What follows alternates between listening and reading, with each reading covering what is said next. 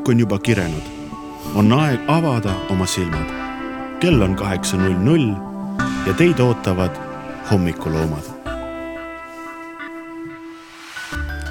tere hommikust, tere hommikust, hea Põltsamaa raadio kuulaja meil on kuues juuli, see tähendab, et käes on kolmapäev ja alustame hommikuloomade saatega. mina olen üks kolmest saatejuhist Eeva Nõmme ja teised kaks ütlevad ise, kes nad siia laua taha on jõudnud.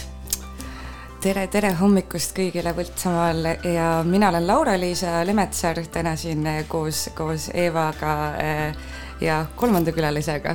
ja, ja mina olen Raivo Suni, ma olen väga tänulik Eevale, et Põltsamaa raadio on pakkunud võimalust mulle nüüd läbi kolme hooaja igal hommikul, tähendab kolmel hooajal ühel hommikul teha hommikuprogrammi Põltsamaal, nii et mhm. tere hommikust, Põltsamaa nii, aga räägime siis äratuseks sellest, et äh, kuidas meil läheb ja mis seni toimunud on, mis tänane päev äh, tooma hakkab. Laura-Liisa, kas oli lihtne nii vara ärgata? küllaltki, ma ikkagi olin valmistunud ette tänaseks tähtsaks hommikuks ja, ja läksin varakult magama ning ärkasin mõnusalt valguse peale ülesse, mis siis, mis siin Põltsamaal või üldse Eestis praegu suvel, suvel on, et kella neljast juba täiesti valge. ja, ja okei okay,, noh, magasin ikkagi seitsmeni ka, nii et väga hästi välja puhunud, kuidas sinuga? no mina olen siin saanud katsetada nüüd igahommikust varajast äratam-, ärkamist, nii et mul ei erinenud tänane päev teistest liiga palju aga huvitav, palju meid seal teisel pool ärganud juba on. Raivo, kui sina nüüd oled esimest päeva meil siin hommikuprogrammis, siis kas on mõni varajane hommik sulgi olnud, et kas siis on see põhja, põhjusraadio või, või midagi muud, mis suverütm on? no suverütm on tegelikult selline, et ma ikkagi ärkan natuke hiljem ja Põltsamaa raadiot satun kuulama ka pigem üheksa paiku mm.. et tavaliselt mul on küll niimoodi, et kui hakkan köögis toimetama, panen kohvi tulele, siis äh, panen ka Põltsamaa raadio mängima. et äh, kui rääkida jah, kuidas tänane hommik oli, siis tänane hommik minul oli natuke närviline, et äh, ma ikkagi ei ole harjunud ärkama üles kella peale pühapäeva või tähendab puhkuse ajal, suvepuhkuse ajal ja, ja nii et ma panin küll eile kella, aga siis ma jäin kuidagi nagu ootama, millal see kell täis tiksub, et peaks nii-öelda nuppu kinni vajutama no meil on täna tegelikult üks rahvusvaheline päev ja selle avastas meil eile siis Laura-Liisa. ja räägi meile siis, mis päevaga tegu on, kuues juuli, kolmapäev? no tuleb välja selliselt, et äh, kuues juuli on kindlasti noh, väga tähtis selline kesksuvepäev, aga samuti ka rahvusvaheline suudlus, suudlemise päev. et äh, täna siis äh, me siin nüüd terve raadio või ütleme hommikuloomade programmi ajal, siis võiksime ikkagi mõelda, mis me, mis me tänase päevaga ette võtame ja, ja kuidas ja kuidas seda päeva võiksime kõik tähistada. Raivo, kas sinul on mõni idee, kuidas me võiksime sellega edasi minna siit? no ma arvan, et esimene asi muidugi võiks olla nii, et kui sa oled äh, üles ärganud, siis otsi üles äh, lähedane inimene, kui ta on sulle natukene mitte liiga lähedane, siis lihtsalt kallista teda. kui ta on natuke kaugem inimene, siis võid tal lihtsalt silma vaadata ja naeratada ja kui ta on sulle natuke lähedasem, no siis võiks juba nagu suudelda ka. aga kuidas mitte selle, noh näiteks käe peale suudlusega on ju ka väga tore selline. näiteks lähed Selverisse, äh, on tuttav vastu tulemas ja teed talle hoopiski käesuudluse, see oleks ju üliviisakas. see sellist... oleks üliviisakas, aga siin ma tahaksin äh, tsiteerida klassikuid, et suudeldes äh, tuleb langetada pea, aga mitte tõsta daami kätt. jah, just, et see tuleb nüüd kindlasti kõik teil meeles pidada ja ma arvan, et sellise nagu varem, vanema traditsiooni me võiksime kasvõi siis noh ükskord täna oma päeva jooksul ära teha kellelegi, et vaadake kellelegi teil, kellega teil mugav on, mugav on sellist eh, trikki teha. aga mida tähistage. teevad naised, mida teevad naised, kas meie peame ka pea langetama ja kätt suudlema või mis see komme ütleb siis? no mina ütleks, et minugi poolest et äh, miks mitte ka teha selliselt äh, tänapäevaselt modernselt, on ju, et kuna ikkagi on kahekümne esimene sajand, siis me võime seda ju täitsa, täitsa ka proovida naistele teha, aga meestele vaat-, vaadata, millises olukorras, millises olukorras oled lõpuks. või siis äh, naised saavad olla väga vastuvõtlikud, et nende kätt tohib suudelda näiteks käia niimoodi, et käsi on mm. natuke enda kehast eespool just, anda märku juba ja. koheselt kõikidele, kes sulle vastu tulevad, et, et sinule, sinu jaoks on täiesti okei okay. nii et ärge siis väga kohkuge, kui te näete täna selliseid äh, natuke sihuke pardikõnnakuga harali kätega naisi ja mehi, mehi käimas, et, et kui ta niimoodi käib, siis järelikult ta ootab suudlust. et kui käesuudlust tahad, siis käi nagu part ja noh, kuigi me ütlesime, et see on tänasel päeval aktuaalne, et kuues juuli ja, ja rahvusvaheline suudlemise päev, siis miks mitte, võiks see ju laieneda kogu aastale iga päev võiks ju olla rõõmu. aga see võib, see võib rühi ära sassi ajada, kui kõik käivad iga päev nagu pardid, siis nad jäävadki käima. ühe päeva nagu võiks. meie Eesti võib-olla tänavapilt läheb natukene naljakaks ja võib-olla isegi me jõuaksime rahvusvahelistesse vetesse selliste, selliste uudisega, kuidas, kuidas me muutunud oleme, aga aga iseenesest idee on ju hea, et rohkem armastust ja hoolivust jagada ei ole ju ähm,, no võiks, mina ütlen nii võiks ja kui sa mainisid siin rahvusvahelise, äh, rahvusvahelist vett küll kõnekujundina, siis kuulamegi esimese laulu. Liisi Koikson, Üle vee.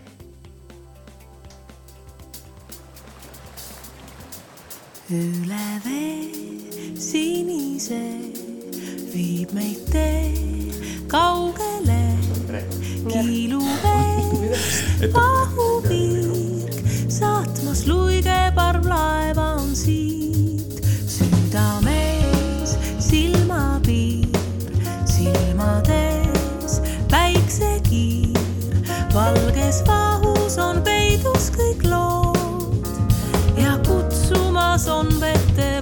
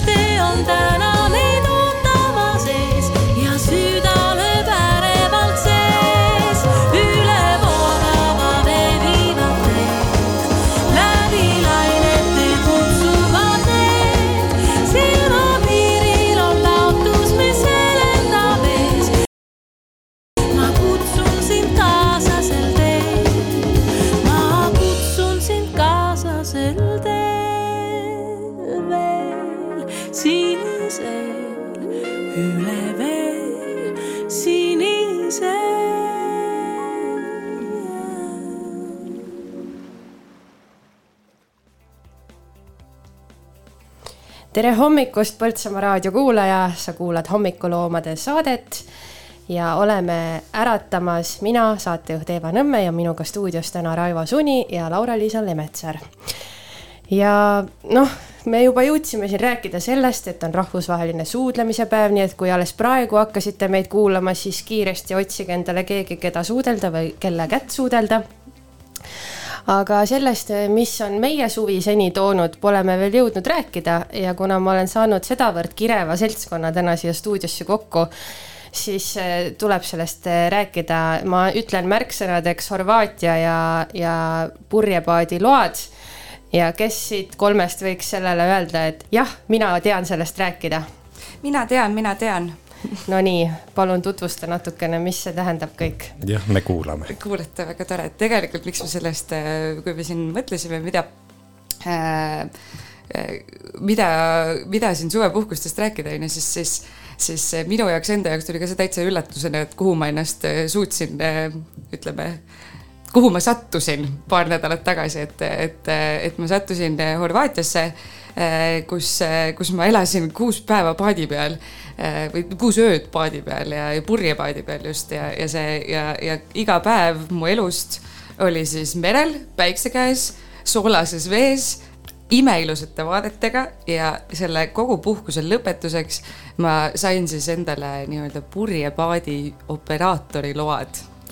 ja see oli siis see minu üks, üks nädal öö, äh, oma puhkusest, kuidas ma seda veetsin ja ma lihtsalt mõtlesin huvi pärast, et ega ma ei ole ka ju niiviisi teinud seda umbes mitte kunagi, et oma puhkust eh, veeta hoopis mingisugust õppides näiteks on ju, aga lõbusalt õppides, puhates õppides. et eh, mis, mis on teie nagu kogemused ja mõtted selles mul tekkis, mul tekkis kohe küsimus, et kas sa läksid kohe neid eh, lube tegema või sa läksid purjetama ja siis purjetamise lõpus öeldi sulle, et said hakkama, palun, siin on luba no või tegelikult pigem oli nii, nagu sa ütlesid, aga et, et, et, et see, et et tulid purjetama ja nüüd on siis, siis võimalus sul ka load saada. Ja siis me kõik nagu grupiga otsustasime, et, et me vist, me vist ikkagi võiksime teha need load ka ära, et mis me siis muidu seal kuus päeva rühime seda paati on ju, et, et kui me seal neljakesi oleme, pluss siis see äh, skipper või instruktor, kes meil aitas siis seda paati seal niiviisi korraldada, on ju, et, et siis midagi ju võiks sealt õppida ja terve aeg oled nagu vaatad kaarti ja vaatad, kus on poid ja kus sa ikka sõidad ja mis on sügavused ja, ja kuidas need, kuidas need köied ikkagi seal siis paadi peal käivad ja kustpoolt tuul on ja, ja et selline väga maine eh, ja, ja väga värskendav kogemus, ütleks ma, purjetamine nagu äh, iseenesest ja mere peal olek ja nagu selline, selline limiteeritud mugavustega elu, aga samas ülimalt äh,, ülimalt täitev nagu seest, et, et väga-väga lahe mul on ka küsimus, õigemini kaks küsimust. Oh.. ma küsin korraga ära. Eh, mis oli kõige suurem või kes oli kõige suurem kala, keda sa nägid ja mitu uut sõna sa õppisid? väga hea küsimus, ähm, kusjuures suuri kalu ma üldse ei näinudki, ma nägin väga väikseid armsaid värvilisi kalu, mis seal Horvaatia rihvidel siis on, aga nägin imeilusat suurt kilpkonna noh, tõesti üliilus suur ujus seal nagu poleks homset meie seal paadi kõrval, väga tore oli. ja võib-olla uued sõnad siis äh, horvaatia keeles, kuna kaarti pidi õppima horvaatia keeles, mitte inglise keeles, kogemata juhtus nõnda, siis äh, näiteks äh, äh, noh vene keeles on ka see ikkagi pielõi või zeloon, sieloonõi, midagi onju, ehk siis sul on valge ja roheline ja need siis, need, need tähistavad siis, mis värvi on eh, sadama või nagu majaka tuli no väga tore. aga Laura, mis nüüd edasi, millal me võime näha purjekaid, ma ei tea, Kamari järvel või Põltsamaa jõel triivimas kus sina oled selle purjeka juht? no ma siin siis üleskutse, et kellel on purjekas, et ma hea meelega tulen aitan teile seda opereerida, et, et nagu siin on teada-tuntud lause, et siis kõige parem paat on sõbrapaat.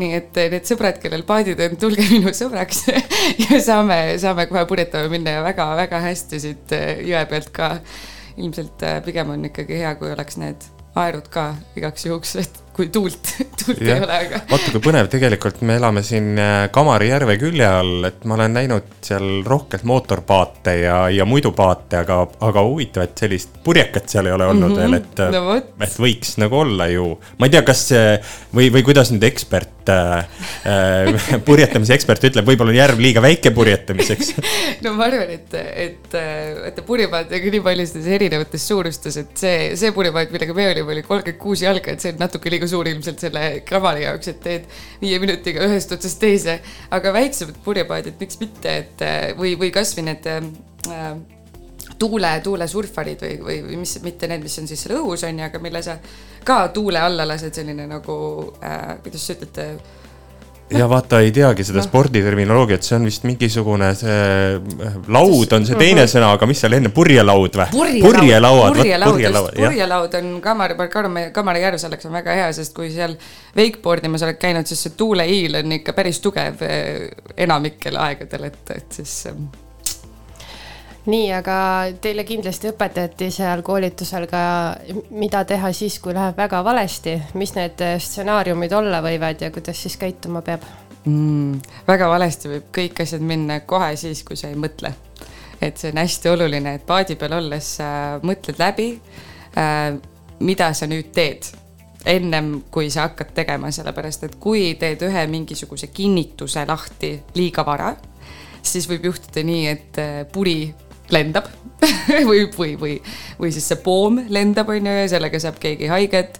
Või noh, loomulikult, kui on tugev tuul, on ju, siis sa pead väga-väga jälgima, kustpoolt see tuul on ja, ja mõtlema läbi, mis sa teed, et, et et kõigepealt kõige tähtsam võib-olla õppetund oligi see, et mõtle läbi, kus sa teed, mida sa teed, miks sa seda teed.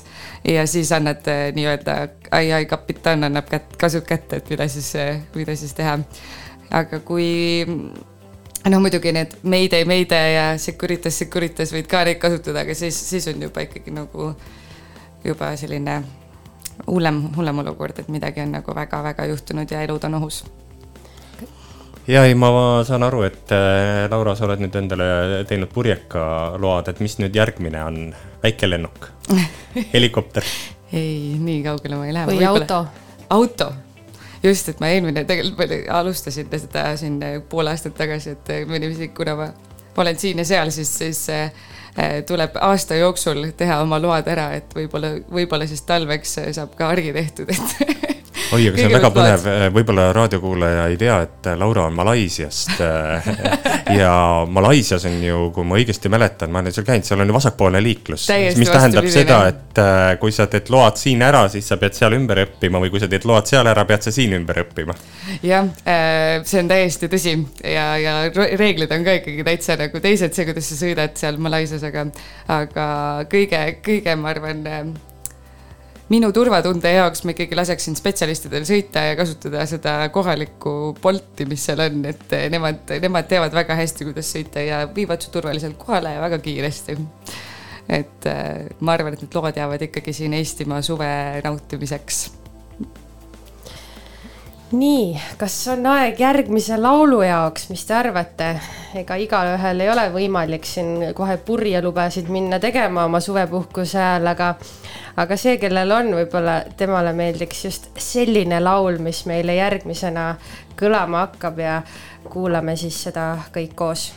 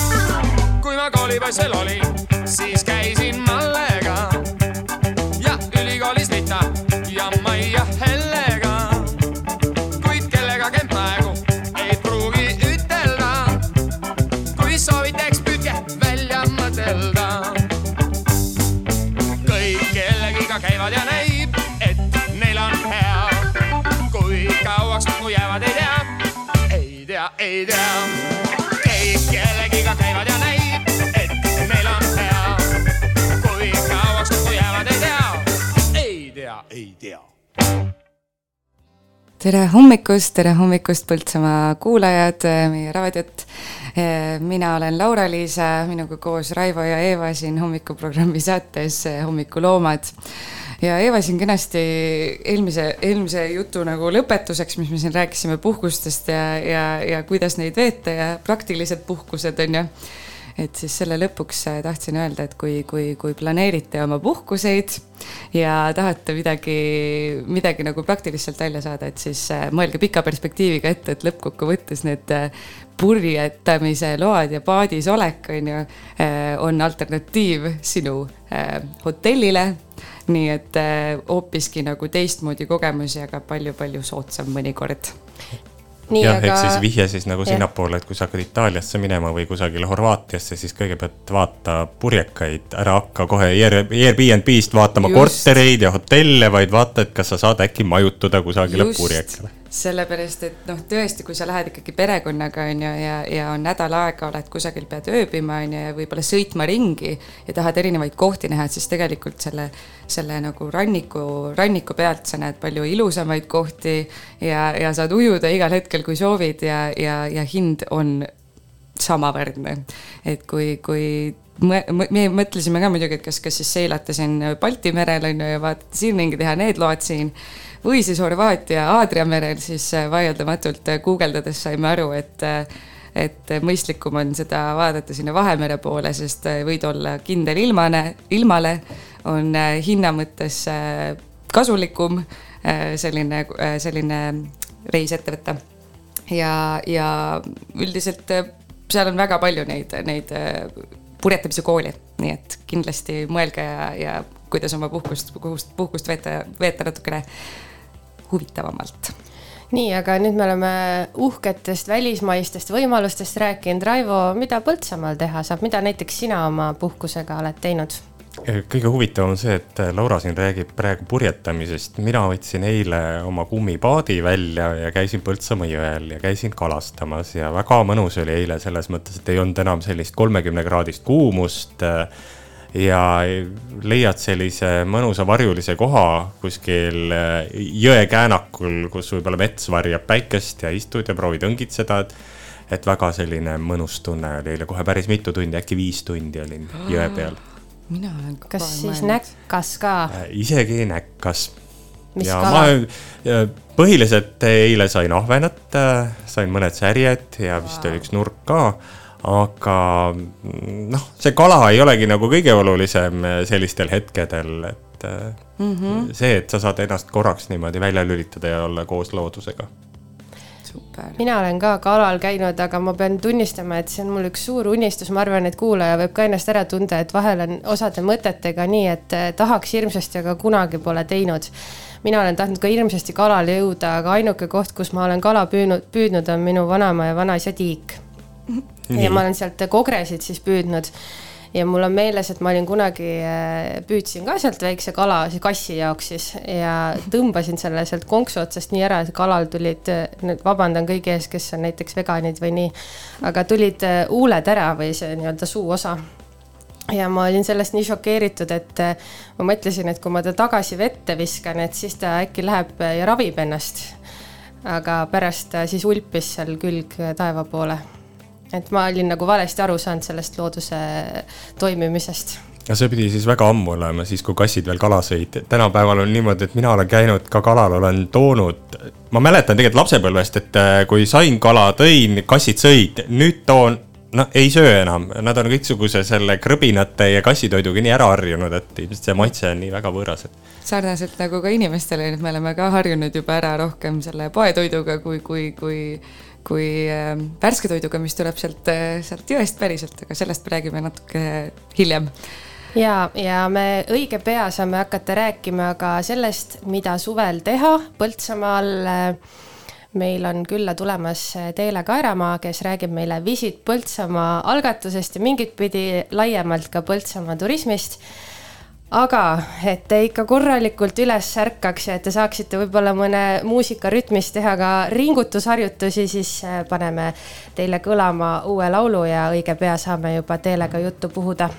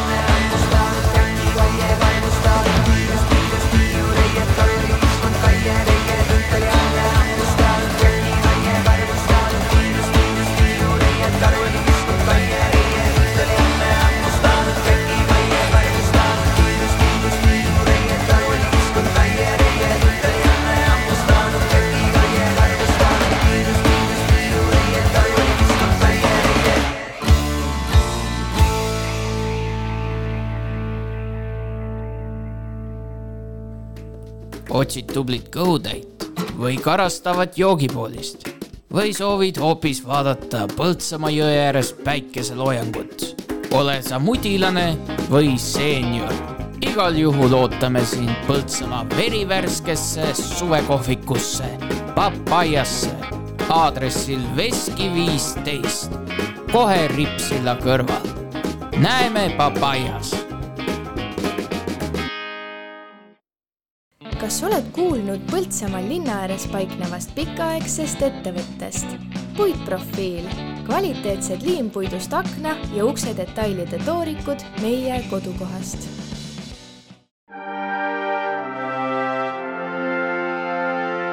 Kesk-Eesti võimsaim maamärk Põltsamaa loss ootab sind külla iga päev kella kümnest kaheksateistkümneni tule uudiste ajalugu Põltsamaa muuseumis, naudi suvejooke Põltsamaa veinikeldris ning külasta käsitöökodasid, näituseid ja kaunist kirikut. sõbrad, Põltsamaa on põnev. vaata lisa poltsamaloss.ee. suvi, päike ja muidugi Põltsamaa valla sõnumid. üks kord nädalas ilmuv sisukas sõnumitooja hoiab sind kursis olulisega. vaata lisa pvs.ee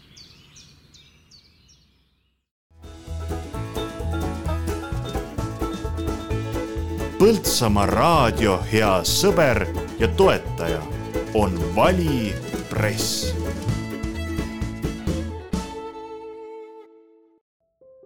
Põltsamaa kiriku tänuüritus viieteistkümnendal juulil kell üks Põltsamaa Niguliste kirikus.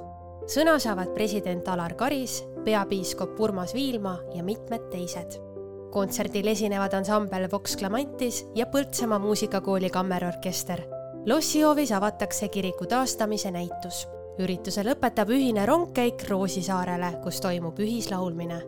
viieteistkümnendal juulil algusega kell üks Põltsamaa Niguliste kirikus täna õhtul kell kuusteist kolmkümmend loosikasaade. et võita, jälgi Põltsamaa raadio sotsiaalmeediakanaleid nii Facebookis kui ka Instagramis.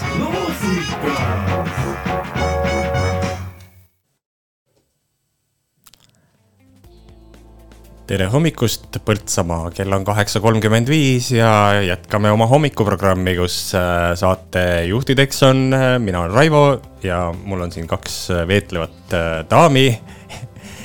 Eva ja Laura. Ja meil on nüüd külas ka Teele, kes räägib natukene kohalikust turismimaastikust. Ja selles mõttes on väga põnev meil hommik olnud, et me alustasime Horvaatiast, me jõudsime viietunnise paadimatkani Põltsamaa jõel ja nüüd me oleme jõudnud Eh, sellise tuumani Põltsamaa turism kui niisugune, et eh, tere hommikust teile. tere hommikust kõigile. Eh, Teele, räägi natuke lähemalt, millega sa tegeled oma põhitöös? Jaa, minu põhitöö asub siis siinsamas Põltsamaa lossi hoovis Põltsamaa turismiinfopunktis.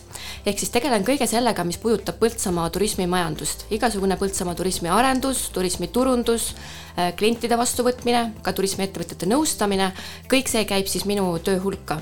ja kõike seda me siis manageerime Põltsamaa vallavara osaühingu alt nii-öelda. nii et sinu käest me saame kõige täpsemalt teada, et kuidas Põltsamaal läheb turistidel, kuidas läheb Põltsamaa ettevõtjatel? jaa, ma usun küll, et see info koondub meil väga hästi Põltsamaa turismiinfopunkti, nii et kõik küsimused on alati väga teretulnud nii, aga kuidas siis meil on see suvi läinud, kuidas sa niimoodi vaatad, esimene, esimene suvepuhkuse kuu on äh, enam-vähem nagu selja taga, et äh, mis, mis mulje sul on jäänud?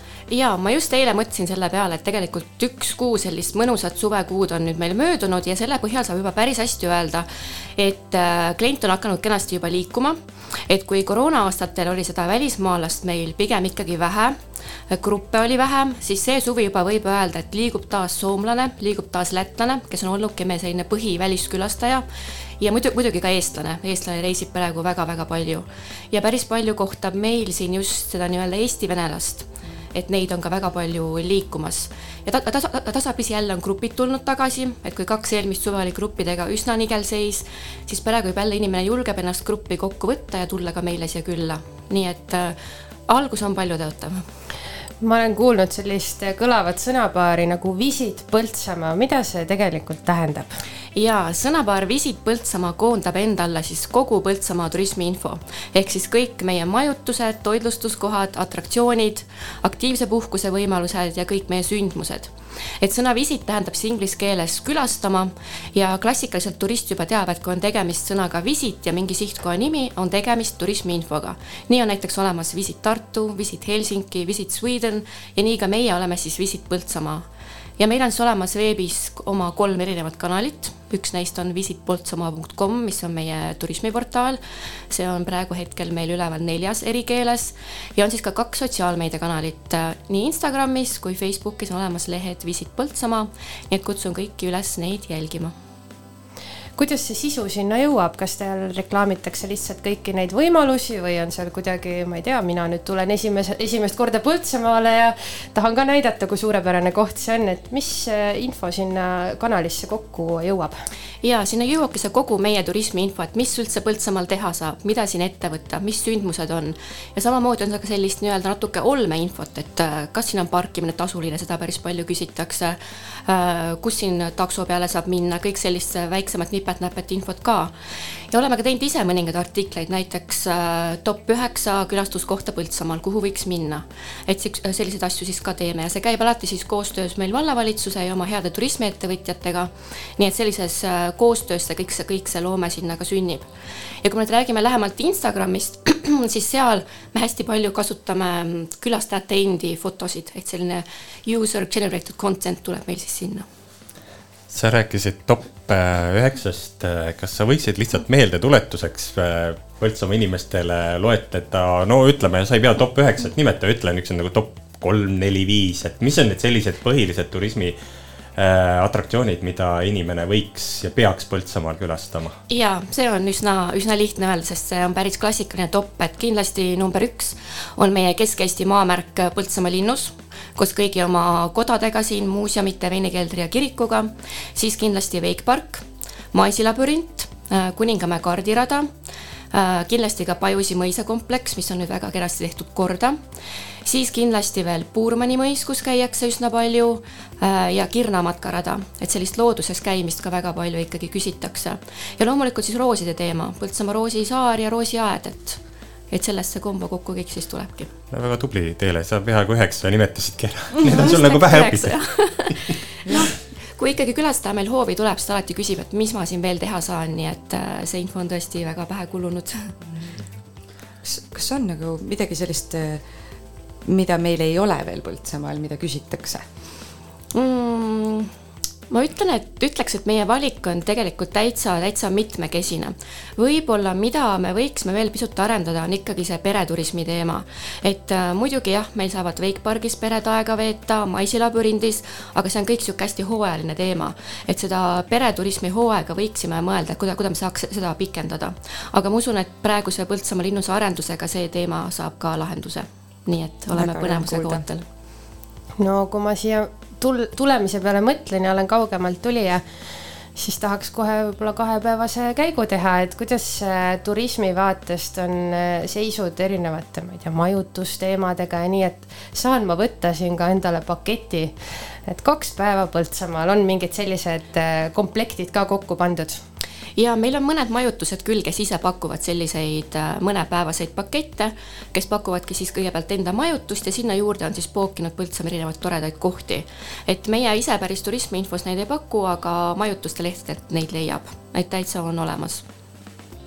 Sina, Teele, oled kursis sellega, mis meil on olemas, ilmselt sa oled ka kursis sellega, et mis veel võiks olla, kas sinu juurde on käinud mõni ette, sinu juures on käinud mõni ettevõtja, kes on äh, sosistanud mõnest uuest plaanist seoses Põltsamaaga, et mõne, mõni uus atraktsioon, mõni uus ettevõtmine? päris sellist nii-öelda suurt sosinat hetkel ei ole, on olnud küll väiksemaid mõtteid, mis siis puudutavad just näiteks kämpingute, niisuguste majutuste arendamist. aga väga suurelt vist neist veel rääkida ei saaks. Et kui tegelikult praegu mõelda viimase paari aasta peale, siis mulle tundub küll, et Põltsamaa turism on ikkagi tohutult arenenud. kõik see Wakepargi teema, rooside teema, praegu linnuse teema, et äh, me oleme ikkagi väga heas seisus oma turismi arenguga, mulle tundub, et et tulevik on, on väga, jaa, et on väga hästi läinud jah, Laura, ma lihtsalt nagu enne, kui Eeva paneb järgmise muusikaloo, ma tahtsin, meil oli siin hommikul juttu natukene purjetamisest ja, ja Horvaatiast ja, ja purjelubade tegemisest. ja käis läbi ka mõte, et tegelikult võiks Kamarijärvel olla ka üks väike siukene purje No purjekeskus, et, et see on võib-olla. Või Põltsamaa jõel on ju. võib-olla see on nii-öelda väike siuke n- nüke teelel, et kui ta kedagi näeb, et kellel silmad põlevad, aga ei tea, mida teha, siis ütle, et eh, kuule, et meil oleks tarvis üks väike purjelauakeskus sinna või, Kamarijärvele. või saades inspiratsiooni Raivolt, siis võib-olla kummipaadikeskus. no neid veesõpru meil. Põltsamaal on, nii et miks mitte neile idee ette sööta. Neil on ju päris palju seda vett siin igal pool, et. kuulame vahepeale ühe laulu ja siis jätkame oma arutelu Teelega. olen astronaut. olen valmis lendama kuule, olen šokolaad. sulle valmis olen sulama suule, olen fantastik. nagu saladus su öökapi sahtlis, olen dünamiit. kergesti süttiv ja plahvatusootlik. tee,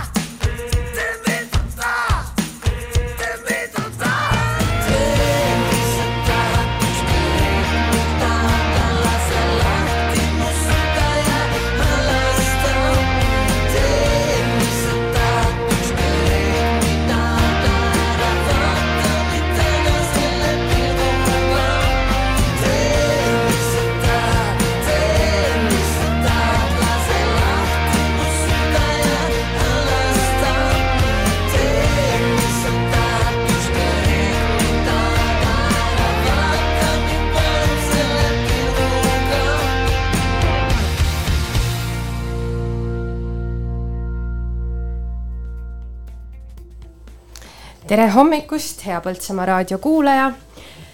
kell on äh, umbes viieteist minuti pärast saamas üheksa ja meil on külas täna hommikuprogrammis Teele Kaeramaa, kes räägib meile Visit Põltsamaast, Põltsamaa turismiteemadest.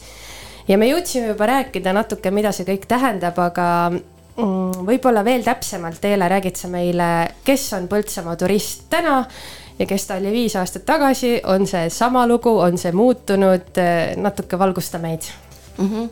see olukord on jah, pisut muutunud tänu koroonakriisile, aga pole hullu, ma arvan, et me liigume tagasi ikkagi selles heas surves, mis meil oli viis aastat tagasi kui nüüd Põltsamaa külastajast rääkida, siis võib-olla eelinfoks võib öelda, et äh, meie siin Põltsamaa lossis, eelkõige just turismiinfopunktis, väga täpselt loeme, kes meil külas käib, et me iga päev paneme kirja, palju inimesi meil käis, kus riigist nad olid, mis nad siin tegid, et meil on tõesti olemas väga täpne statistika Põltsamaa lossi külastamise kohta. ja selle põhjal võib öelda, et äh, aastas käib Põltsamaa lossi hoovist läbi umbes kolmkümmend tuhat inimest ja neist circa kuuskümmend, seitsekümmend protsenti on siis eestlased olnud ja circa nelikümmend, kolmkümmend protsenti siis välismaalased, oleneb täiesti aastast. et niimoodi see meil on olnud. ja nagu eelnevalt mainisin ka, siis põhiklient välismaalt tuleb meil ikkagi Soomest, Lätist ja tuli varasemalt ka Saksamaalt ja Venemaalt et tänaseks on see olukord pisut muutunud, on eestlaste osakaal pigem suurem, aga liigub pisut ka jällegi siis soomlast ja lätlast meil siin ja kuna Põltsamaa lossis me pakume hästi palju teenuseid just gruppidele, siis grupiturist on olnud meie üks äh, number üks nii-öelda külastaja. samamoodi tegelikult käib päris palju peresid, käib sõpruskondi, et äh, sellist äh, noh, võib öelda, et igaühele on meil siin mida, midagi pakkuda kas see kolmkümmend tuhat on palju või vähe või täidab see teie ootuse? ma arvan, et kui me mõtleme sellele, kuidas praegu on Põltsamaa linnus toimunud, et see on varemetes olnud ja selline nii-öelda natukene paigalseisev võib-olla olnud, siis kolmkümmend tuhat, ma usun, et see on väga-väga hea näitaja. aga nüüd, kui meil uus arendus saab valmis, siis kindlasti see number saab olema mitu korda suurem, et seda me ise väga ootame ja loodame ja ma arvan, et see nii ka läheb et ka praegugi, kui suvel inimesi meil külas käib, siis kõik on väga põnevil sellest, mis meil lossihoovis toimub. Nad väga ootavad seda, nii et äh, tulevad kindlasti tagasi järgmisel suvel no iga uus ehitus paneb ju ka ette mingisugused uued äh, vastutused, et ikka oleks piisavalt neid, kes käib ja nii, et kui palju selle ehituse ja valmimise kõrval on tegelikult sellist mõttetööd, planeerimist, aja sisustamist, ma kujutan ette, et see võib olla päris kirju seda on meil väga palju jah, et selleks on meil lossis ikkagi oma suur tiim olemas, kellega me kõik koos seda teeme. mõtleme läbi neid külastaja teekondi, uut ekspositsiooni, kuidas oleks kõige parem liikuda, kuidas piletihinda kujundada. et neid teemasid on tõesti tohutult palju, sest kompleks on suur, kompleks on oluline. nii et äh, tööd jagub, tööd jagub sa rääkisid Teele seda, et umbes kolmkümmend tuhat inimest äh, külastab äh, lossikompleksi, et on sul ülevaade ka sellest, kui palju meil teisi atraktsioone, Wake Parki, Masilabürinti, roosiaeda külastatakse? Äh, jaa, ikka. me tegelikult iga aasta alguses kogume oma Põltsamaa turismitegijatelt statistikat, et palju neil eelmisel aastal inimesi käis ja ja kõik seda tegelikult väga kenasti koguvad, et tegelikult noh, oleneb täiesti aastast, et palju inimesi käib, et et äh, Wake Parki ja Maisläbürindi suhtes võivad need äh, arvud jääda umbes kümne tuhande juurde. sinnakanti natuke alla, natuke peale, oleneb aastast et.... huvitav, mis see sihuke potentsiaal on Põltsamaal üldse, et kus maal on see piir tuleb ette, et me rohkem ei suuda turiste vastu võtta, kas, kas te olete mõelnud selle peale või see on niisugune nagu hüpoteetiline Ma... mille peale me võime mõelda, et oi, et nüüd on liiga palju turiste, et nüüd oleks nagu aeg äh, piir tõmmata. lubame ainult kolmapäeviti turistid siia. Jah, mõnes äh, Euroopa piirkonnas seda ju tehaksegi, et juba piirataksegi turistide külastamist, aga ma usun jah, et see on pigem selline hüpoteetiline äh, piiri jah, kuna me oleme väike piirkond, ei oska ette näha, praegu alati ju võtame kõik vastu, kes tulevad, aga äh, see, et turiste meil ei ole siin massidena, ma usun, et see on ka meie plussiks. et paljud turistid ka ütlevad, et teil on siin nii mõnus ja rahulik, et palju parem kui mõnes suurlinnas. et see ongi tegelikult meie pluss ja see neile meeldib ja sellepärast nad tulevadki siia no kui kuulaja nüüd mõtleb, et kuidas tema saaks äh, põlise põltsamaalasena panustada sellesse või kaasa aidata, et, äh, et siit, seda kohta oleks tore külastada, siis mida peaks tegema, kuidas saaks aidata mm? -hmm. mina olengi enda jaoks mõelnud tegelikult niimoodi, et igaüks meist on tegelikult Põltsamaa valla brändisaadik. et ükskõik, kuhu me läheme või mida me teeme, kellega me räägime, me alati me võiksime Põltsamaast rääkida hästi, öelda, mis on meil siin põnevat ja toredat, et kõik see jätab teistele inimestele mingisuguse mulje meist. et me teame ise ka, et me ju reklaamides usume ikka kõige, kõige, kõige rohkem seda, mida räägib meile meie sõber. seda, seda näitavad ka uuringud, et me ei usu nii väga telereklaami ega raadioreklaami ega seda Facebooki reklaami, mis meil tuleb ette, vaid kui minu hea sõber ütleb mulle, et Põltsamaal on tore, mul oli seal äge, siis ma mõtlen ka, et ma tahaksin sinna minna. nii et ma tegelikult kutsun kõiki üles mõtlema pisut selle peale, et mida me saame teha ise selle heaks ja võtma endale julguse ollagi see brändisaadik, et tegelikult meist oleneb väga palju, mis me teistele räägime Teele, kas on mõni sündmus või, või kuupäev, mida sina sellel suvel eriliselt ootad? kui me räägime nüüd Põltsamaast, siis ähm, kuna ma olen seotud hästi palju lossisündmustega, siis kindlasti külastusmäng Unustatud mõisad, mis nüüd algab juba sel nädalavahetusel. et Põltsamaa piirkonnast osaleb meil seal seekord lausa neli mõisat, Põltsamaa, Adavere, Puurmani ja uue tulijana siis ka Pajusi mõis.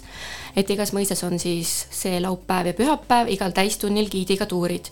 et see on tõesti väga põnev, soovitan tulla külla meile kõigile et sel ajal on meil hoovis palju rahvast, on meil Veinikeldri kohvikus eraldi mõnus väike mõisa magustoit, tulge uudistama. et tõesti niisugune väga mõnus päev tõotab tulla. aitäh sulle, Teele, et sa täna oled meiega jaganud neid erinevaid mõtteid. Ja võtame siis sõnasabast kinni ja tuleme kõik eh, kas ise või siis koos kaugemate sõpradega neid toredaid kohti vaatama ja külastama. Ja aitäh ja ilusat ja põnevat päeva kõigile! on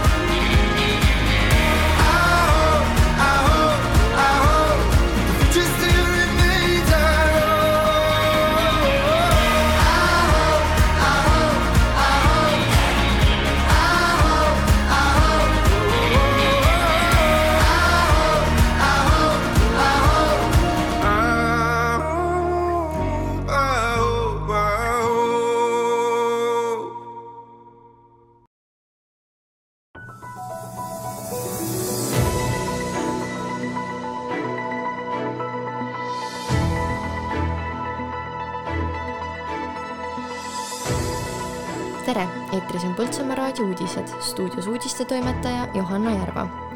Pajusi mudajooks toimub üheksandal juulil. külastusmäng Unustatud mõisad tuleb taas. Põltsamaa vald liitub Väärikate ülikooliga. kolmeteistkümnendal juulil toimub Ott Laat. järjekordne Pajusi mudajooks toimub üheksandal juulil. Pajusi mudajooks on rahvaspordiüritus, mille populaarsus kasvab iga aastaga. Kahe tuhande kuueteistkümnendal aastal alustades oli mudajooksul sada kaheksakümmend seitse entusiastlikku ning julget mudasmüttajat. kuuldus vingest üritusest levis ning osalejate arv kasvas jõudsalt iga järgneva aastaga. aastal kaks tuhat kakskümmend üks osales mudajooksul üheksasada viiskümmend kolm osalejat mudajooksul ootab osalejaid ees üheksa kuni kümne kilomeetri pikkune märgistatud rada, täis erinevaid takistusi, mida tuleb ületada ronides, kõndides, joostes, ujudes, roomates, hüpates. osaleda saab nii individuaalselt kui võistkonnaga. piletid müügil www.mudajooks.ee riided võiks olla sellised, millest ei ole kahju ilma jääda või, või hiljem loovutada. meil on seal kohapeal nii-öelda ähm, riiete, mudaste riiete surnuaed.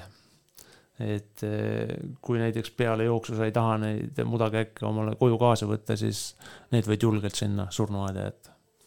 Pajusi mudajooksul ootab ees eh, kuni kümnekilomeetrine rada, mis on täis eh, looduslikke ja mõningaid tehislikke takistusi, mis siis ürituse lõpuks peaks tekitama igas osalejas nii vaimse kui füüsilise koormuse. mõisakompleksid, milledest osades asuvad koolid, on külalistele sel aastal viiel päeval avatud. miinimumprogrammina toimub igal aastal täistunnil mõisates giidiga jalutuskäik. avatud on näitused ja kohvikud. lisaks korraldatakse mõisate eripära rõhutamiseks kontserte, töötubasid ja muud huvitavat üle Eesti on võimalik külastada kolmekümmend kahte erinevat mõisa. Põltsamaa vallast osalevad Adavere mõis, Puurmani mõis, Pajusi mõis ja Põltsamaa loss. mõisad on avatud kella kümnest kuni kella kaheksateist neljakümneni, üheksandal, kümnendal, kolmekümnendal ja kolmekümne esimesel juulil ja kolmeteistkümnendal augustil. perepilet maksab kaheksa eurot, täiskasvanu pilet viis ning õpilastele ja pensionäridele pilet kaks eurot. lisainfo lehel www.moisakoolid.ee Tartu Ülikooli Väärikate Ülikool alustas oma tegevust kahe tuhande kümnendal aastal Pärnus ja Tartus. kahe tuhande kahekümne teise aasta sügisel liitub ka Põltsamaa vald Väärikate Ülikooli programmiga. loengud hakkavad toimuma kord kuus valla erinevates piirkondades. osalema on oodatud kõik avatud mõttemaailmaga huvilised vanuses viiskümmend pluss kuulajad, kes on osalenud vähemalt seitsmekümnes viies protsendist loengutel, saavad Tartu Ülikooli täiendusõppe tõendi täpsem info registreerimiseks, loenguplaani, ajakava ja transpordikorralduse kohta avaldatakse hiljemalt augustikuu lõpuks vallalehel. järgmine Põltsamaa Ott on plaanis kolmeteistkümnendal juulil kella viiest kuni kella kuueni Põltsamaa kultuurikeskuses. Põltsamaa Ott on loodud eesmärgiga viia kokku Põltsamaa piirkonna tootja ja tarbija. eeskätt soovib Ott vahendada teavet kohaliku toidu osas, mida pakuvad Põltsamaa piirkonna ettevõtjad või lihtsalt ettevõtlikud inimesed tunni aja vältel on kõigil huvilistel võimalik osta kohalike toidutootjate toodangut. ostes toitu kohalikult tootjalt, saad teada toidu päritolu ning võid olla kindel toidu värskuses ja puhtuses. tagad nii tootjale kui endale õiglase hinna. osalemissoovist palun teada anda annika.kallasmaa at poltsemaa.ee või telefonil viis kolm üheksa neli kolm üheksa nelikümmend. räägib Raivo Suni. no ma ütleks, et Ott on võib-olla isegi mingi osa sellisest kogukondlikust elulaadist, et see on võimalus inimestele pakkuda oma aiasaaduseid, oma koduköökide toodangut. ma isegi nagu arvan, et võib-olla see kõige olulisem osa ei olegi nii väga sellel müügitegevusel kui äh, selle kauba tutvustamisel, nii-öelda uute turgude avastamisel ja, ja mingisuguse sellise kohaliku mõnusa sellise õhustiku loomine, mida me oleme oma Ott turgudega üritanud luua.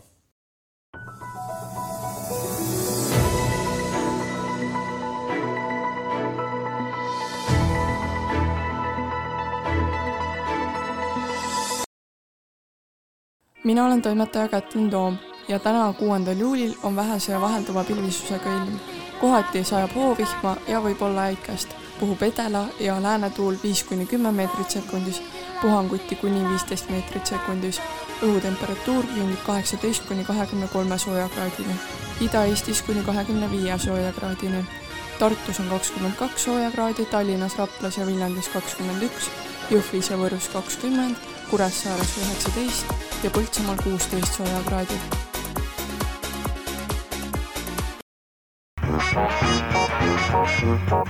Täna õhtul kell kuusteist kolmkümmend loosikasaade.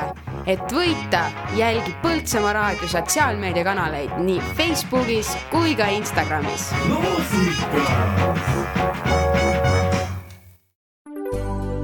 juustu kvaliteet sõltub sellest, kus juustu tehakse. Põltsamaal osatakse juustu teha, seal hinnatakse kvaliteeti.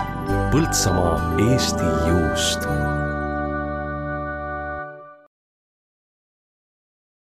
kultuur elab aganikus. viies kuni seitsmes august toimub Eesti kõige ägedam maakultuurifestival, Oisu aganiku festival. päevad on täidetud põnevate tegevustega nii suurtele kui väikestele. avatud on vanatehnika näitus, lastele põhuala, saab näha ehedat rehepeksu, lüpsta lehma, teha võid ning palju muud põnevat. Põhulaval astuvad üles väikeste lõõtspillide ühing, Puuluup, Girly Strings, Sänni Noormets, Amor Trio ja teised kuuendal augustil võõrustavad Oisukandi inimesed külastajaid Oisukandi hoovipäeval. piletid müügil Piletilevis. tere hommikust, armas Põltsamaa raadio kuulaja. alustame siin teist tundi hommikusaate programmis. kell on saanud üheksa null üheksa ja meil on siin olnud äh, külalisi juba, nii et hili- hiliste ja äh, hilis, hilisete ärkanetele kuulake kindlasti järgi, mida me oleme juba, juba tänaseks arutanud, aga nüüd mõtlesime, et äh, mis on täna nagu ajaloos toimunud Põltsamaaga seonduvalt, et et meil on ju väga rikkalik ajalugu siin ja, ja kuidas meil on olnud? jah, mina olen Raivo ja mina olen selline tegelane, kellel meeldib väga vanades ajalehtedes sobrada ja mõtlesin ka enne täna siia tulekut, et vaatan üle, mis on siis Põltsamaal toimunud tänasel, kuuendal juulil läbi ajaloo. Ja esimesena jäi silma see, et üks traagiline sündmus kuuendast juulist tuhat üheksasada nelikümmend üks, see on kaheksakümmend üks aastat tagasi täna, mõrvati mm, Põltsamaa haigla juht Karl Priima, et ilmselt temast on olnud päris palju kuulda, tegemist on, tegemist on äh, haiglajuhiga, kes oli ka rahvamees, tegeles äh, äh, igasuguste terviseteemade propageerimisega Põltsamaal. Ja mida siis heideti Karl Priimale ette, heideti ette seda, et ta oli aidanud metsavendi, kes olid haavata saanud, et oli neid äh, ravinud ja siis selle eest, et ta oli metsavendi ravinud, siis kommunistid tapsid ta. aga et ei jääks nagu selline, no nii ongi, vot ei lasta inimesel tööd teha. mm,. teed head, aga just aga mis äh, on seotud tänase päevaga veel ja mis on, millega on ilmselt väga paljudel meil oma, omad isiklikud mälestused, mida me võime ka jagada, on see, et äh, täna kakskümmend kuus aastat tagasi toimus esimest korda Põltsamaa lossijooks et see oli siis lossipäevade raames, et äh, väga huvitav oleks nüüd Laura ja Eeva teilt kuulda, et, et kas te osalete, olete osalenud nendel jooksudel ja mis, mis on teie mälestused? No mina olen ikkagi korduvalt osalenud, ma arvan, et mul oli juba selline iseloom, et kui ma olin väiksem, siis ei tahtnud millestki ilma jääda. ja eks see ole ikka nii, et kamba vaim, kui sõbrannad läksid, siis läksin mina ka. aga no mulle ikka üldse ei meeldinud see stardijoonele minek ja siis ma mäletan seda tunnet, kuidas oli ootus, et minu arust siin oli veel see ka, et stardipauk anti mingi pauk püssiga või midagi sellist. sellise klapp see on niimoodi, et äh, see võis olla nii ja naa. ma käisin, mina olen, mina ei ole kunagi jooksmas käinud, aga minu lapsed on alati jooksmas käinud ja, ja ka seekord ma vaatasin kohe, kuidas seda stardikäsklust antakse. siis kõige pisematel äh, käis äh, start vilega võib-olla varem on antud niimoodi ka mingi plaks, aga siis, kui on natuke suuremad, need, kes võib-olla pauku enam ei karda, siis nendel lastakse tõesti püstoliga see start. no minul on selline mälet-, mälestus, et oli püstoliga ja siis mul on see mälestus ka, et kõige raskem on jääda umbes teisele kohale, vähemalt minu jaoks oli see küll hirmus raske, sest et ma olin nagu liidrikoha andnud siis kellelegi teisele jõuvarudega oli nii nagu oli, et enam ega eriti ei jaksanud ja siis, kui siin ümber lossi, no ütleme nii, et juba kaks nurka oli nagu või kaks sellist jah, ikkagi nurka olid juba ära joostud. ja siis umbes seal viimasel kolmandikul tuli välja pigistada endast nagu viimane jõuvaru ja kui siis keegi veel selja tagant mööda pani, siis vaimu murdumine ja samas nagu enda ärgitamine, et ei, ma ikka ei anna alla see oli ikka noh, selline võitlus iseendaga. ja mina mäletan, kui me seal jooksmises koos käisime, siis Eeva pani ees minema väga kiiresti, aga siis seal kolmanda nurga peal panin mina mööda. seda ma nüüd ei usu, ma arvan, see on kuidagi ajas muutunud, see mälestus. vaata, kui põnev, me oleme siin tegelikult saanud oma laua taha kaks sellist verivaenlast konkurenti iibulist konkurenti juba väiksest peale tegelikult nüüd on viimastel aastatel lossijooks ei ole toimunudki enam ümber lossi, vaid on toimunud Roosisaarel paaril aastal ja sel aastal toimus ta Kuningamäel ja mina olen paaril kohal, korral sattunud peale kuulama sellist juttu, et vot siin loss on nagu hästi konkreetne, jooksed ümber lossi, ongi tehtud. Aga need teised rajad on natuke keerulisemad ja siis ma olen kuulnud seda, et, et kuidas lapsed ütlevad, ah, et ma ei tea seda rada, et ma jooksen kellegi järgi, et ma, et las ke, nagunii keegi jookseb ees ja nii edasi ja nii edasi. aga muidugi need, kes nagu võita tahavad, need ei saa lootma jääda sellele, et ta jookseb kellegi järgi mina tahtsin alati võita ja tervitused nüüd kallile sõbrannale Laurale, mitte siis nüüd sellele Laurale, kes meiega täna siin on, kuigi sind ma tervitan alati, aga Laura Oro, kes meil elab Tartus, kui sa meid kuulad, mina mäletan sinu selga väga hästi, sest sina jooksid Mina ka. alati eespool. mina ka jah, aga Laura, kas sina oled osalenud, muidugi sa oled, sa ühe korra osalesid vähemalt, ma aga oled sa rohkem?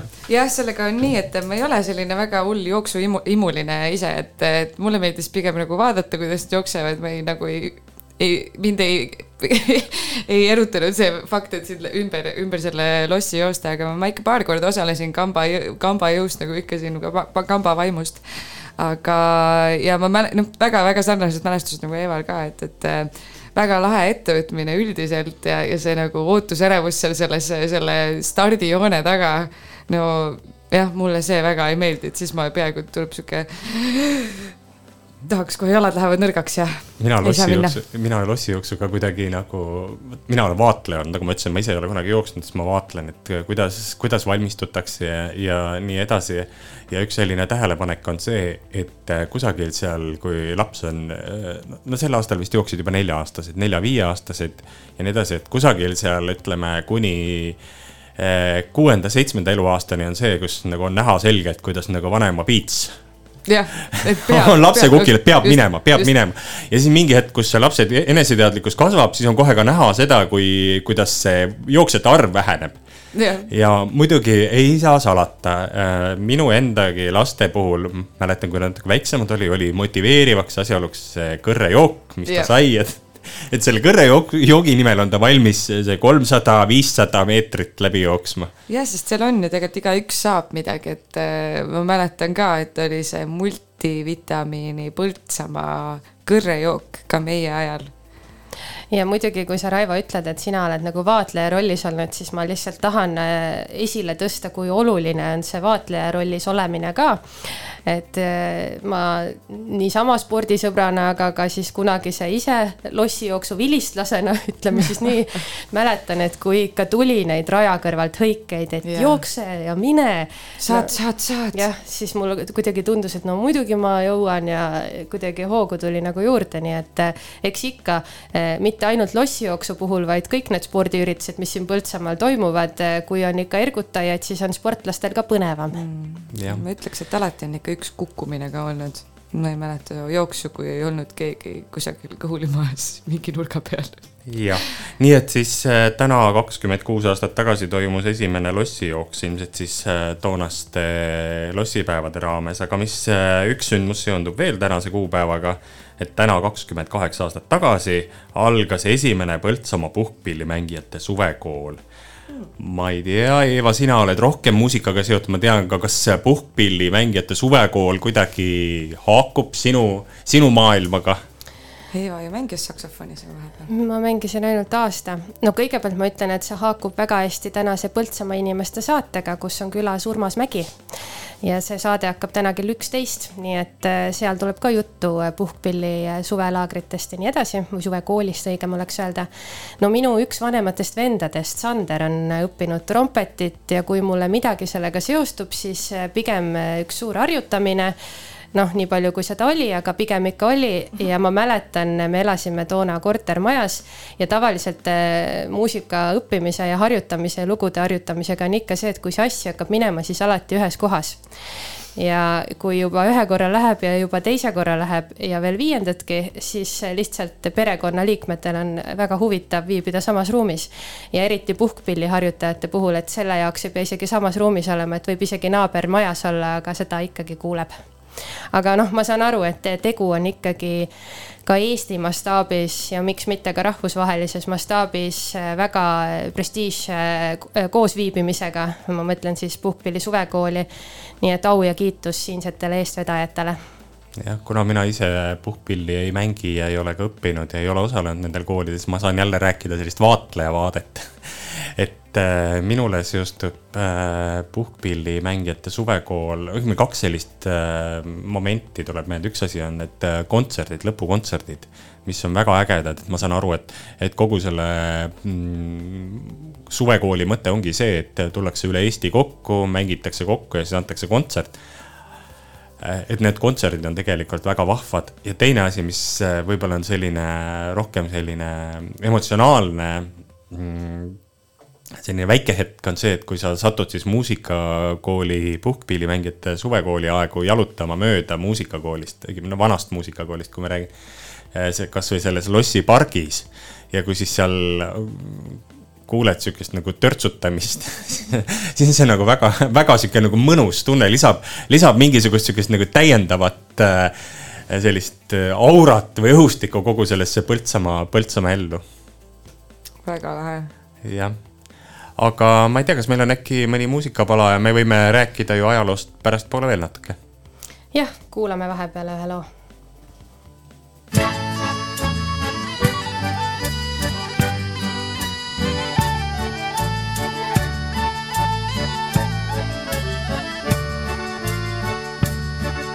eks saatus ikka kaitse iga pillimeest.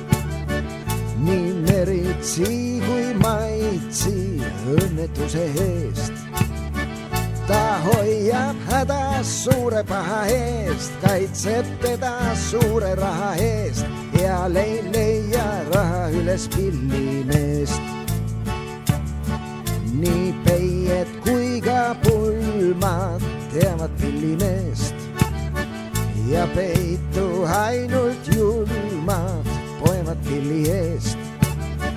kui teised söövad pillimeeste tööd, kõik tantsu löövad, sina rütmi lööd, pill ei puhka päeval ega südaööl. ja nii see saatus näib, kui laul ei hinda olla saame haul. pillimehe leib, kes see teab, ta käsi käib, kuni veel käsi hoida pilli võib. kurbusröön, pillimehe leib, kes see teab, ta käsi käib, kuni veel käsi hoida pilli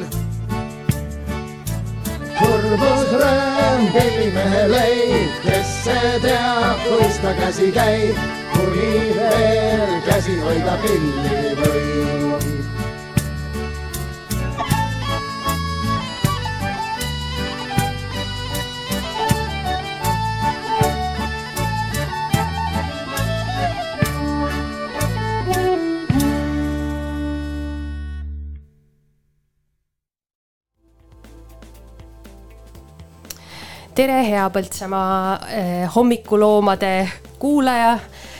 me oleme siin juba lobisenud üksjagu aega, kella kaheksast alates on meie hommikuprogramm käinud. ja meil on käinud siin ka külaline Teele Kaeramaa. kui te ei kuulnud teda, siis saate järelkuulamisest aimu, rääkisime Visit Põltsamaast ja kõigest muust mõnusast, mis siin suvel teha saab no hommik veereb hirmsa kiirusega, teadmisi tahaks saada igasuguseid, et päev algaks ikka eriti põnevalt ja Laura-Liis, ma tean, sa oled sirvinud siin erinevaid portaale ja vaadanud, mida põnevat maailmas toimub. räägi meile siis ka, mis sa sealt leidnud oled nojah, neid uudiseid ja, ja erinevaid teadusavastusi on ikka massides tänases äh, interneti, interneti, ma ei tea, võrgustikus maastikult. Mis ma, mis mulle kuidagi silma jäi tänaseks on, on, on ähm, liha ja taimsete toodangute nagu äh, selline tarbimine ja võib-olla üldse ka toitumisharjumused on nagu sellised, et Malaisias elades äh, on mul enamjaolt ikkagi taimne selline dieet, et, et äh, kuna tegemist on riigiga, kus, kus värske, värske toodang erinevate aedviljade ja puuviljade näol on ülimalt rikkalik, siis äh, olen valinud enda toidulauale pigem just, just sellised taimsed versioonid ja lihatoodangut äh, mina nagu selles mõttes kui Eestis sa vaatad selle, selle sildi pealt ära täpselt, kus farmis see siga või kana siis ikkagi kasvas ja mida ta tegi ja kuidas teda kasvatatud on, et siis seal maailma, pool maailma natukene on selline saladuskatte all see, et kust see liha siis tuli ja mis sinna sisse on pandud ja nii edasi. et, et siis on selliseid valikuid nagu peab tegema ja ma leidsin sellise artikli Novaatorist .ee et eh, kuida-, kuidas öeldakse, teadlased on siis nüüd natukene kindlaks teinud, et või no uurinud seda, on ju, et, et, et justkui need taimse liha alternatiivid, millest me räägime, siis on sellised soja või, või kikerherne eh, massist tehtud eh, liha, lihatooted alternatiivselt eh, veganitele ja vegeta-, vegetaarlastele, et siis, et, et ne, neid justkui inimene seedib siis, siis natukene aeglasemalt ja. kas see on hea või halb, tuli see ka välja? tead, otseselt siin ei olegi, ma ar-, ar-, katsusin ma seda arvan, välja läida. ma arvan, et see on äh, selles mõttes hea, et siis sa ei saa nii palju süüa, et sul võtab liiga, natuke rohkem aega.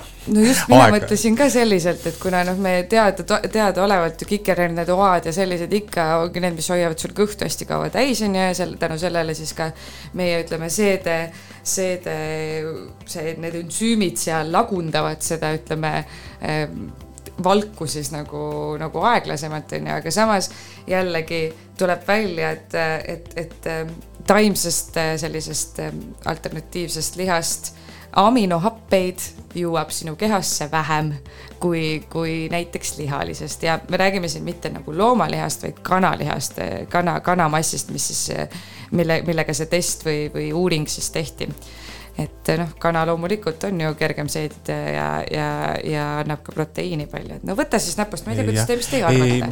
minul tekkis nagu, kui ma hakkasin sind kuulama seda, kuidas sa rääkisid, alustasid oma juttu sellest, et Malaisias sööd rohkem taimset ja, ja siis mul nagu kangastus silme ees durian, see on üks niisugune see on üks selline, võib öelda puuvili, eks ole On., mis on äh, sellistes ekvatoriaalsetes riikides väga levinud, kes on seda söönud, see teab, kes on selle lõhna tundnud, see juba teab, eks ole, mis asi, et mi- mis, mis suhe sul selle durianiga? Turjaniga on mul selline, mina arvan, väga hea suhe, et, et noh, tegemist on sellise väga okkalise eh, suure juur, puuviljaga ikkagi mm. -hmm. ta on hästi lihalise tekstuuriga ja, aga nüüd on nii, et kui meil on bussides eh, silt, et ei tohi toitu ja ütleme, et ei tohi Coca-Colat ja friikartuleid süüa seal, seal eh, bussis, siis Aasias on bussi peal silt, et tuurianit ei tohi bussi tuua. ja sellega on see oluline, miks see siis selliselt on, on see, et see lõhn on midagi peaaegu tapvat siis, kui oled selles ruumis, et, et kui sa ei teaks, millega on tegu, siis sa arvad, et on kuskil rott ära surnud. aga, aga. aga maitseb hästi. maitseb äh, minu meelest väga huvitavalt ja selliselt äh, pehmelt ja lihalised, mulle meeldivad sellised nagu huvitavad äh, lihalised puuviljad justkui. mida see nagu meenutab neid, no ma mõtlen lihtsalt, et too mõni paralleel, mille moodi see on äh, näiteks sellega, mis meie siin Eestis oleme söönud. no te- tead seda sellist pehmet virsikut? see, millel on natukene nagu noh, karvane on pealt või kuidagi selline, et, et kui see nüüd on hästi äh, küpseks saanud, et siis tema selline lihalisus on seal sees. tekstuur on tekstuur sama. on sama, aga maitse poolest täiesti erinev loomulikult, aga ma soovitan kõikidel guugeldada, panna korraks Google'isse, mis on durian, sest, sest ma arvan, et see mingil hetkel jõuab ka siiapoole maailma, et, et on erinevad duriani hooajad ja jah, et võib-olla see on midagi niisugust, et äh, kui me kutsume inimesi Põltsamaale, siis me soovitame neil maitsta Põltsamaa veini ja Põltsamaa juustu ja kui sa satud Kagu-Aasiasse, siis on see ilmselt nagu üks asi, mida sa peaksid seal kasvõi, noh, sa peaksid seda proovima.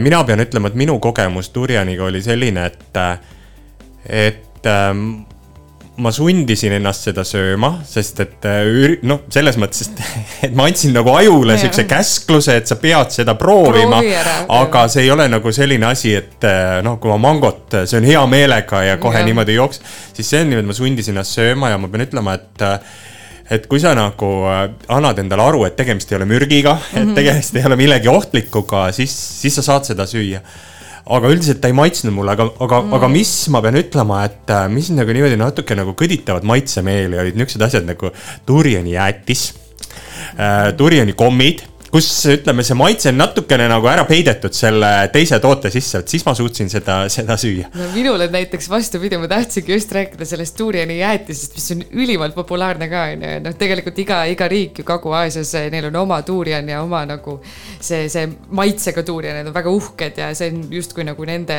selline, kellel on kõige parem durian eh, Kagu-Aasias. aga just see jäätis näiteks, mina ei suuda seda süüa, et minu jaoks on see nagu kuidagi liiga tehisdurian, nii maitse, et vaata, kuidas me oleme nagu märkamatult jõudnud sellest eh, nii-öelda liha, liha asendajast hoopis, hoopis ühe Kagu-Aasia puuviljani, aga, aga tegelikult äh, Eeva, sina ei ole, ma saan aru, duriani söönud. ma ei ole jah, mul Aa. ei ole seda õnne veel olnud, aga ma nüüd panin omale kõrva taha, et kui ma satun sinna, peakski sattuma võib-olla mingi aeg, et Aa, no, siis, siis saaks proovida. Aga räägiks natukene siiski sellest taimsest lihast ka mõne sõna, et yeah. kas kellelgi on sellist äh, kogemust, ma ei tea, on läinud, võtnud mingit veganburgerit või midagi muud sellist, kus ei ole enam ütleme veiselihapihv eh, saiade vahel, vaid on midagi muud, et mis mulje teile on jäänud? No tausta või natuke maad tagasi minnes, siis mina olen sellisest perekonnast, kus ikkagi liha on olnud kogu aeg laual ja ma olen nagu harjunud seda sööma. ja nüüd, kui ma satun menüüd vaatama, kus on erinevaid valikuid, siis tavaliselt ma ikkagi valin selle, kus on nagu selline originaal, tavaline, tavalised koostisosad ja noh, ikkagi ka siis loomne. aga ma olen proovinud küll ja tehakse ikka päris osavalt, ega vahel ei saagi aru, et äh, tegu pole lihaga. mina arvan ka, et, et tehakse väga osavalt ja väga põnevaid äh, roogasid just juurviljadest ja kasutatakse väga palju ära ka nagu mingisuguseid unustuse hõlma jäänud juurvilju on ju, mida tehakse siis uues kuues, aga aga jah, mina tulen samamoodi sellisest, kust, kus liha, liha on nagu täitsa normaalne, aga miskipärast tavalisel päeval mulle tundub, et, et erinevaid juuri, juurviljadest või siis ütleme, herne, hernest, hernelistest tehtud eh, tooted on nagu minu kõhu jaoks küll väga mõnusalt kergemad. et eh, aga noh, siin ongi selles uuringus räägiti soja, sojamassist eh, versus siis kana, kanamass on ju et kuidas need reageerivad, aga et võib-olla kui kikerhernes või, või, või must uba või punane uba on ju, mis on ka väga proteiinirikkad ja millest tehakse ka väga palju neid alternatiivliha, liha, mis kotlette ja kõike muud, et võib-olla nendel on mingisugune teine mõju, et me seda soja, sojavalku väga ei söö, et, et me tegelikult ei, ei teagi, et kas, kas, mis tunne see võib olla, et seda ma nagu väga ei söö. ikka kikerhennes ja. mina, mina olen valmis tegema isegi natuke reklaami No kuigi keegi ei ole selle eest maksnud, aga ma julgelt soovitan, kes on sattunud Kolgajaani, seal on Reimanni kohvik ja minu elamus tegelikult oli seal, et seal pakuti sellist, ma enam ei mäleta, mis, mis asi, mingi biomeat või mis tema nimi täpselt seal oli Beyond.. või Beyond Meat. Beyond Meat, jah. ja vot seal oli nagu selline nii-öelda vegan burger ja ma sõin ja ma olin tegelikult äh, vägagi vaimustuses äh, sellest, et äh, kui keegi tahab maitsta äh, et missugune võiks maitsta ilma lihata burger, et siis mina julgeks küll soovitada Kolga-Jaani. Reimanni kohvikut. jah, see Beyond Meat on nüüd küll väga, väga tegelikult liha, liha maitsega ja täitsa, täitsa selline sama nagu söökski, söökski veiselihaga totti ja see on tehtud sojavalgust. nii et, et see võib noh, aga ta on tõesti väga hea. no hea toiduga käib juurde ikkagi ka mõõdukas liikumine. paneme siis järgmise laulu eh, One Republic ja Run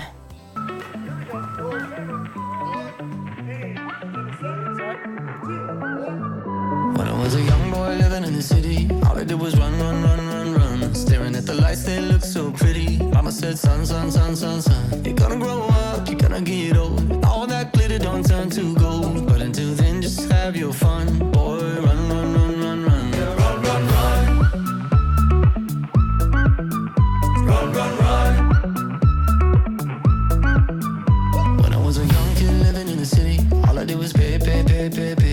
Every single dime that good Lord give me, I can make it last three, four, five days. Living it up, but living down low. Chasing that luck before I get old. Looking back, oh, we had some fun. Boy, run, run, run, run, run. They tell you that the sky might fall. They'll say that you might lose it all. So I run until I hit that wall. Yeah, I lesson, count my blessings up to the rising sun. Run, run, run. Yeah, one day will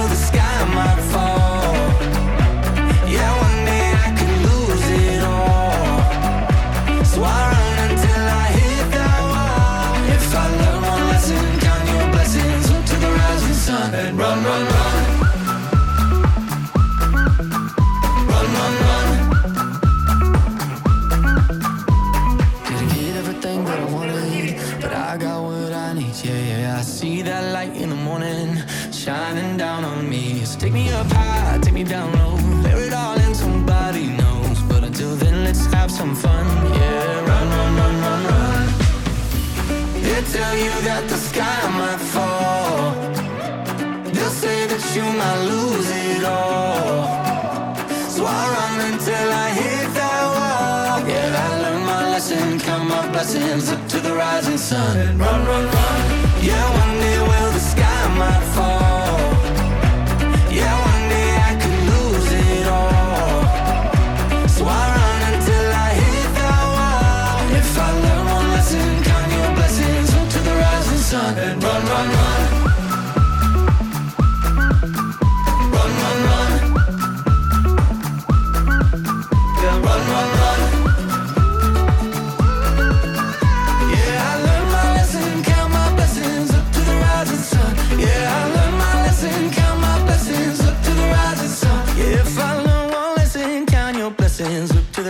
Rising sun. Yeah, run, run, run.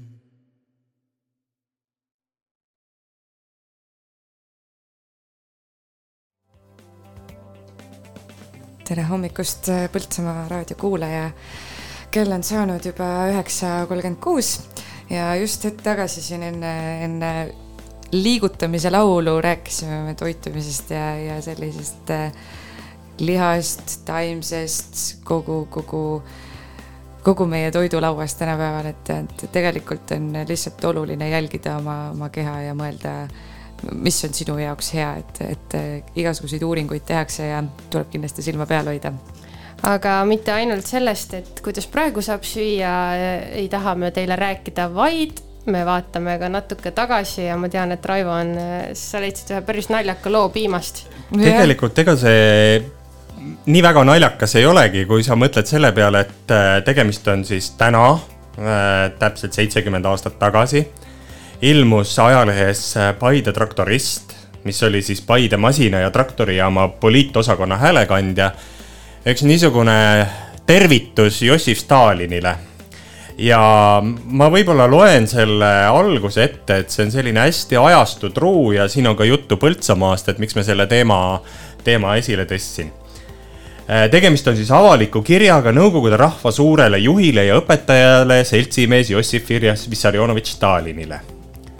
Kallis Jossif Vissarionovitš, meie Eesti NSV kolhoosnikud, sovhooside, traktorijaamade ja maaparandusjaamade töötajad, põllumajanduse eriteadlased ja teaduslikud töötajad saadame teile, meie tark juht ja õpetaja, palava tervituse ja soovime südamest head tervist ning palju eluaastaid Nõukogude rahva ja kogu maailma töötajate hüvanguks ja õnneks on selles mõttes väga huvitav, et kuuendal juulil tuhat üheksasada viiskümmend kaks see kiri on saadetud, Stalin sureb pool aastat hiljem.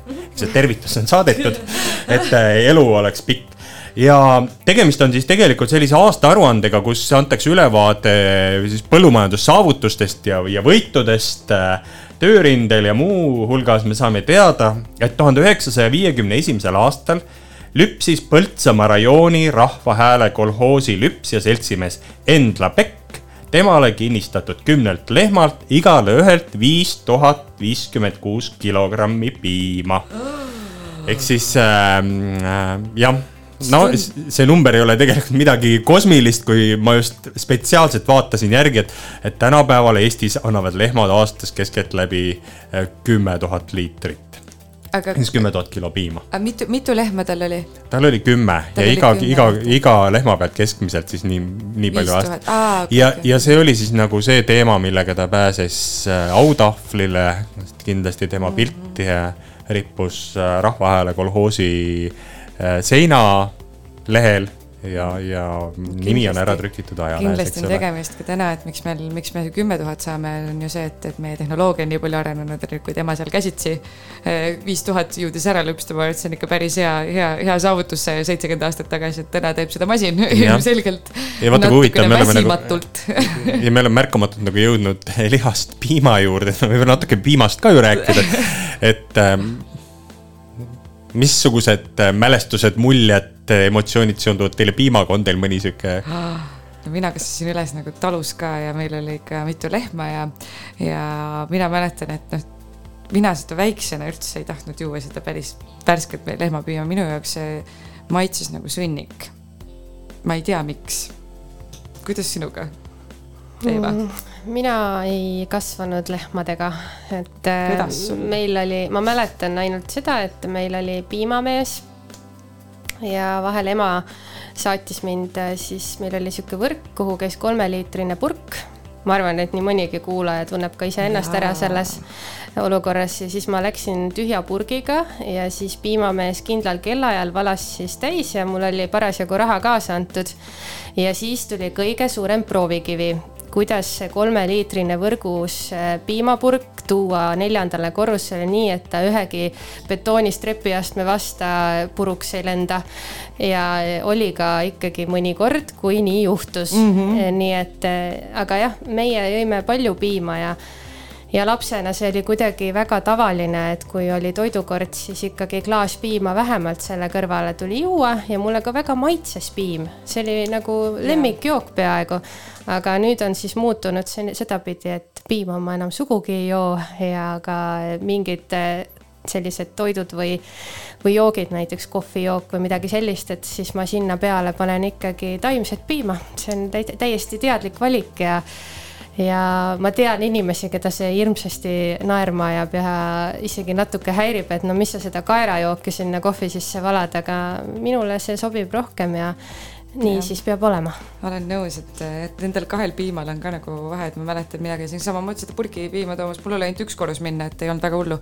aga, aga jah, et see, mis sul tuleb sealt nagu päris otse lehma, lehma juurest kohe onju, see on nagu sellise päris tugeva aroomiga, aga see, mis jõuab sinna piimamehe kätte, et see mulle juba ka sobis ja iga, igale poole nagu iga- nüüd jõin, aga täna ka ikkagi kaerapiim või mandlipiim aga see on huvitav jah, et see piimamehe mälestus on tõesti ikkagi väga paljudel, sest ilmselt see mingisugune hetk, see on, see on üks lühike periood minu arust äh, äh, Eesti piimanduse ajaloost, kus oli ju niimoodi, et, et kuidagi no mina mäletan isegi no, mingit sellist hoiakut või suhtumist, et, et oh, et see poepiim pole ikka nagu õige piim, vot kui sa ostad nagu ikka piimamehe käest selle piima, et siis see on ikkagi nagu õige piim. Ja no tõesti, vahel oli ka nii, et seesama kolmeliitrine purk, et jäi ta sul seisma, siis esimesed viis sentimeetrit umbes sellest purgist oli, oli puhas, puhas ju koor ja aga see kõik kadus kuidagi nii äkki, et hiljem on äh, küll üritatud vist äh, tuua turule uuesti, ma tean, kunagi oli uudistes, et kuskil kaubanduskeskustes võib-olla on siiamaani suuremates linnades sellised piimaautomaadid, kus sa saad nagu osta seda, aga, aga see kõik on täiesti ära kadunud, et, et minu viimane mälestus on äh, sellest äh, isegi mitte nagu nii väga piimamehest, aga, aga ehedast äh, lehmapiimast seondub ka ühe tuttavaga, kes pidas, kelle vanemad pidasid lehmi, üks, see võis olla äkki kümmekond aastat tagasi veel. et siis, siis tema käest sai tellida. aga ma ausalt öeldes, ma ei kujuta üldse ette, kas tänapäeval keegi, keegi lehmi peab, et mina vi viimast korda ma nägin vist lehma Põltsamaa linnas lühikesel tänaval täiesti ootamatult niimoodi sattusin jalutama ja siis seal oli üks mingi lehm väga kidura udaraga. et äh, kohalik rahvas teadis rääkida, et, et, et seal naabruses pidi elama keegi, keegi selline inimene, kes, kellele meeldib, väga lehmad meeldivad ja.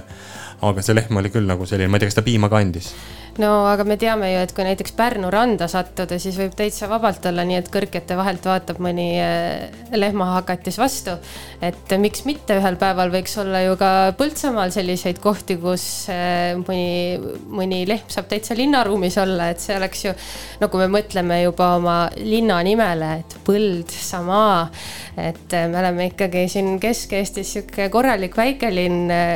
see võib olla täiesti idee alge siin praegu jah, ja võib-olla see tuleb mingit pidi vaikselt tagasi, et kui ma mõtlen selle peale, kui populaarseks on läinud äh, kodukanade pidamine No kuidas inimesed järjest võtavad. sul on ju endalgi kanad. no mul on endal ka kanad jah, ma olen, ma olen selle moehullusega, moehullusega kaasa läinud, aga ma no minul on krunt liiga väike, et kitse pidada, aga, aga mõnel, kellel on natuke rohkem maad, võiks ju täitsa mõelda selle kitse peale ja. kitsepiin teada-tuntud on ikkagi palju parem meie kehale kui lehmapiin. ja kuigi ma pean ütlema, et minu esimesed mälestused sellisest nagu mitte poepiimaga seonduvad just kitsepiimaga, et mul vanaemal olid kitsed ja tavaliselt äh, see oli ka, nägi niimoodi välja, et ta viis need kitsed või seal niimoodi külakorda tegelikult äh, viidi need kitsed kusagile päevaks äh, kusagile karjamaale ja siis õhtul toodi tagasi ja siis oli see lüps ja siis sa jõid seda sooja, sooja kitsepiima. no ei tekitanud nagu väga sihukest sooja tunnet. et ikkagi sihuke piim on kuidagi, vot see on ka nagu naljakas, et see noh, jah, ei taha nagu õlu siin reklaami hakata, aga, aga õlu ju sobib ka jahedana rohkem. piim on ka kuidagi nagu sobib, sobib jahedana, jahedana rohkem. nii, aga kuulame vahepeal natuke muusikat ka I fill my lungs with smoke. Believe the fire can be outrun. I look up to the stars, waiting for the damage to be undone. Our rivers have run dry. The tables, chairs are empty. It was love at the first fake smile. And I just shoot the gun you hand me. Past the point of no return, but we keep going on. I know we will never learn, at least we're having fun. We just kids,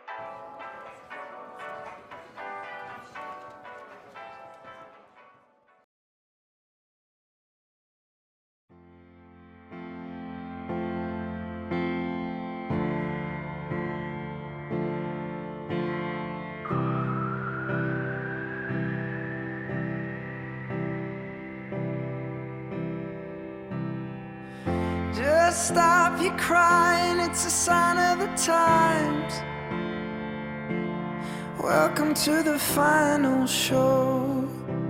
I hope you're wearing your best clothes. You can't bribe the door on your way to the sky. You look pretty good down here, but you ain't really good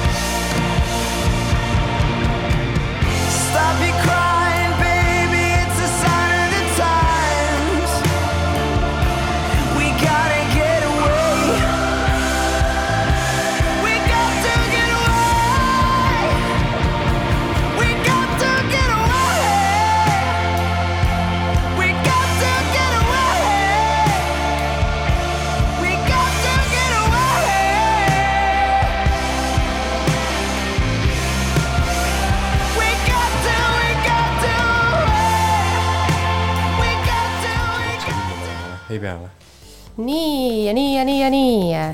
me oleme eetris, hommikuloomad on teie kõrvu jõudmas ja kell on peagi saamas eh, juba kümme. aga enne veel, kui kell saab kümme ja meil on aeg kuulata uudiseid, siis eh, saame natukene siin juttu puhuda. mina olen Eeva Nõmme, minuga täna siin stuudios Raivo Suni ja Laura-Liisa Lemetsaar ja eile ma tegin väikse rahvaküsitluse interneti vahendusel, küsisin, et äh, sõbrad-sõbrad, millest tuleks rääkida, mis on need põletavad küsimused, mida te tahaksite kuulda raadiost ja mida me võiksime arutada. ja tuli päris omajagu küsimusi, kui ma ausalt ütlen, mõned neist siis esitan siin äh, oma kaasvõitlejatele ka kas rattaga käed lahti sõitmine on oskus või eestlaste genoomi osa? mina arvan, et see on tegelikult oskus, kui sa seda oskust niimoodi õigesti kasutad, aga kui sa nagu niimoodi valimatult ja mm, no ma ei tea, suvaliselt igal pool seda oskust kasutad, siis hakkad juba kahtlema, et võib-olla tõesti on nagu genoomi osa ka, vähemalt sellel inimesel mm.. ja ma mõtlen, et noh, genoom, genoomi osana, et ma, mina ikka näen seda igas riigis, et keegi sõidab käed lahti, et ma ei tea, kas see nüüd väga eestlaslik on, aga, aga siia. kas Kuala Lumpuris oled palju näinud käed lahti sõitvaid rattureid? seal kahjuks ratastega üldse ei saakski sõita väga palju, et kui sõidetakse, siis sõidetakse seal nende eh, vihmametsade mingitel eh, seiklusradadel, aga üldiselt eh, tee peal niiviisi nagu sõitmas ei näe kedagi, aga ma tahtsin siia rattasõidu juurde, et öelda, et uue liiklusseaduse kohaselt tegelikult ei tohigi ei tohigi sõita käed lahti, nii et, et siin peab väga kindlasti järgima, et kusagil nurga taga ainult saab neid eestlase genoomi, genoomi asju teha. Ja samas ma olen näinud mingisuguseid selliseid imevigureid sõitmas linnapildis, kus ongi ainult üks ratas ja sul ongi mõlemad käed vaba, et äh, võib-olla siis äh, ma ei tea, nendele, kes, kel tunneb, et tal peavad olema käed vabad sõidu ajal, siis ma teine ei tea, ratas osta, just. teistsugune ratas jah. kuulge, aga üks on ju selge, et Põltsamaa linnas ja Põltsamaa vallas on küll ju väga mõnus rattaga sõita. no parim. on küll, aga ma pean ütlema, et ma olen näinud ka käed lahti sõitvaid äh, lapsi ja noorukeid ja peab ütlema, et ma ei vaata neid imetlusega, pigem nagu selliseid võimalikke ohuallikaid. hirm tuleb kõhtu. hirm tuleb, just, just, just. aga rattaga sõites, et, et äh, väga mugav, kellel ei ole näiteks ratast veel Põltsamaal, et siis minu kogemuselt äh, võib väga hästi transportida Lux Expressiga oma ratta kenasti Põltsamaale ja sellega siit pärast ka ära, et täitsa tasuta nii, aga aitab rattajutust järgmine küsimus. vinüülplaatide võlu, mis teeb nad eriliseks ja kas kassetid tulevad sama suurelt tagasi? mis te arvate? Raivo, alusta. mina arvan, et kassett küll vist tagasi ei tule Neid võid ainult äh, muuseumis ilmselt näha tulevikus ja võib-olla mõnel on kodus veel niimoodi, paneb välja klaasi taha, et teiste eest uhkustada, et tal kunagi oli. aga mis on sellise vinüülplaadi võlu? noh, ilmselt äh, võib-olla see kogu see salvestuse ajalugu algas vinüülplaadist, et sellel on nagu ikkagi mingisugune selline ajalooline, kultuuriline Karakter. tähendus, et Jaa. et äh, ma arvan, et selle, see ongi võib-olla selle võlu. jah, kassett nagu tagasi ilmselt ei tule, sest see on ikkagi tehismuusikaga, vinüülil on see hing on ju ja ma arvan, et sellepärast ta on nagu tagasi tulnud. Eeva, sinul on palju vinüüle, ma tean. ma olen äh, täielik vinüülide fänn, et minu kodus. trendiga kaasas. ei, see võib-olla pole isegi nii väga trendi oma, ma olen ikkagi üles kasvanud ka vinüülplaatidega ja minu lemmikud muinasjutud, näiteks onu Reemuse jutud tulid vinüülplaatidelt. ja teate, praegu vinüüle kuulates ja võrreldes seda näiteks mõne muusika mängimisplatvormiga nagu Spotify või Youtube, et siis, kui sa plaadi paned mängima, siis seal sa nagu naljalt ei hakka laule klõpsima ja vahetama ja ma ei tea, kui palju teie albumite järjekorrale ole- olete tähelepanu pannud, aga tegelikult ka see on eraldi kunst, loo jutustamise üks osa et mis laul järgneb millisele ja mis sõnumit see laiemalt kannab ja seda plaati algusest lõpuni kuulates eh, ja reaalselt ka kuulates, sest et juba see protseduur, kuidas sa paned nõela plaadile ja siis istud maha ja kuulad seda, et see on väga ilus, minule väga meeldivad. aga nõus. teate, kuulame nüüd laulu veel kella kümnest uudised ja siis meil on juba üks eh, suur eh, üllat-, uus, uus eh, üllatuskülaline siia saabumas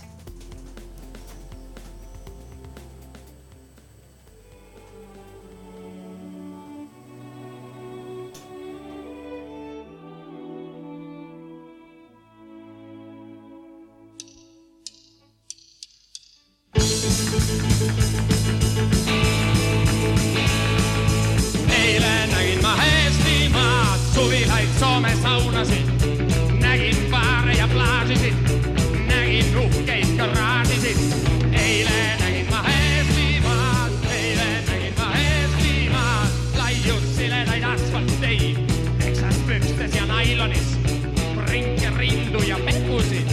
eile nägin ma Eestimaad, eile nägin ma Eestimaad, põliseid laineharjasid, nummerdatud noorkarjasid,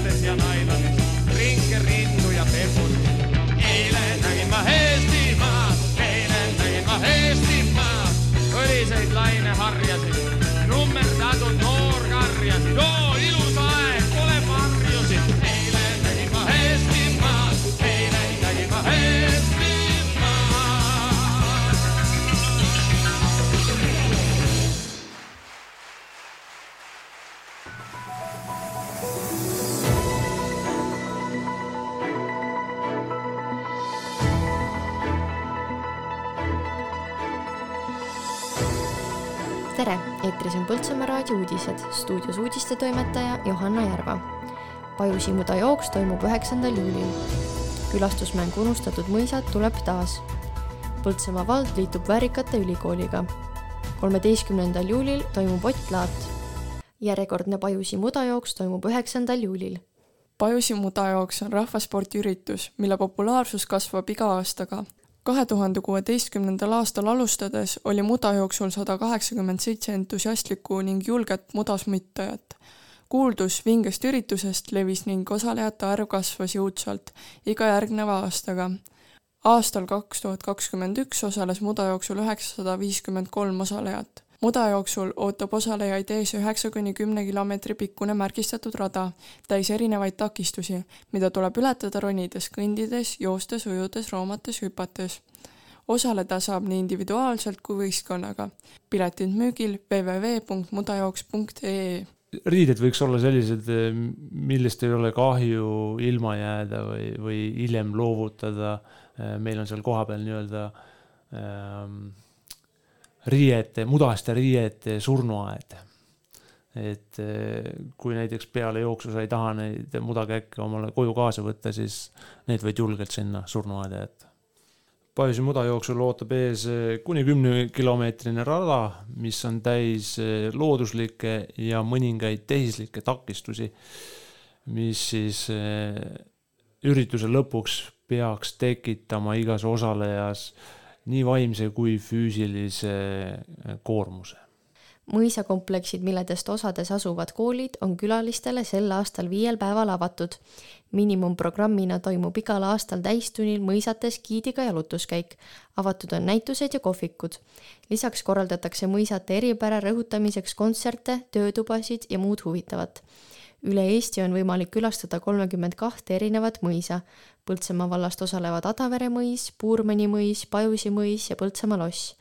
mõisad on avatud kella kümnest kuni kella kaheksateist neljakümneni, üheksandal, kümnendal, kolmekümnendal ja kolmekümne esimesel juulil ja kolmeteistkümnendal augustil.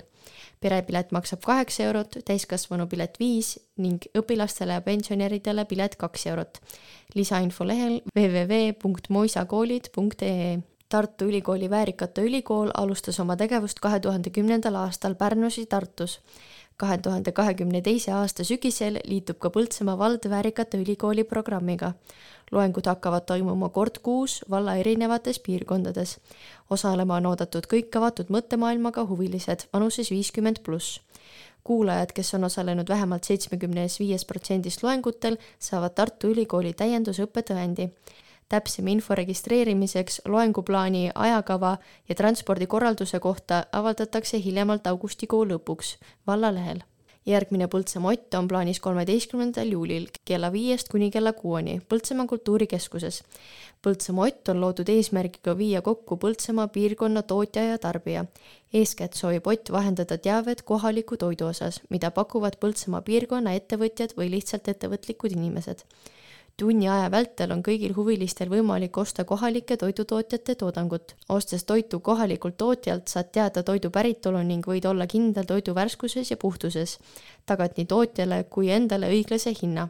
osalemissoovist palun teada anda annika.kallasmaa at poltsemaa.ee või telefonil viis kolm üheksa neli kolm üheksa nelikümmend. räägib Raivo Suni. no ma ütleks, et Ott on võib-olla isegi mingi osa sellisest kogukondlikust elulaadist, et see on võimalus inimestele pakkuda oma aiasaaduseid, oma koduköökide toodangut. ma isegi nagu arvan, et võib-olla see kõige olulisem osa ei olegi nii väga sellel müügitegevusel kui äh, selle kauba tutvustamisel, nii-öelda uute turgude avastamisel ja, ja mingisuguse sellise kohaliku mõnusa sellise õhustiku loomine, mida me oleme oma Ott äh, turgudega üritanud äh, luua.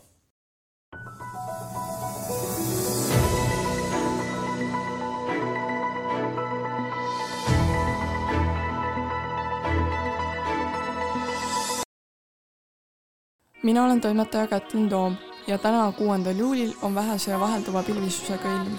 kohati sajab hoovihma ja võib olla äikest, puhub edela ja läänetuul viis kuni kümme meetrit sekundis, puhanguti kuni viisteist meetrit sekundis. õhutemperatuur küündib kaheksateist kuni kahekümne kolme soojakraadini, Ida-Eestis kuni kahekümne viie soojakraadini. Tartus on kakskümmend kaks soojakraadi, Tallinnas, Raplas ja Viljandis kakskümmend üks, Jõhvis ja Võrus kakskümmend, Kuressaares üheksateist ja Põltsamaal kuusteist soojakraadi.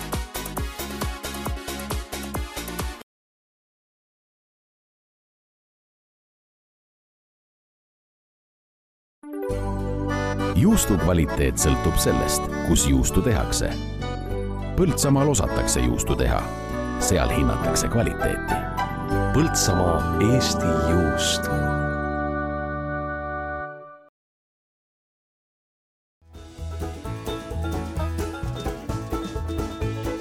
Põltsamaa raadio hea sõber ja toetaja on Vali Press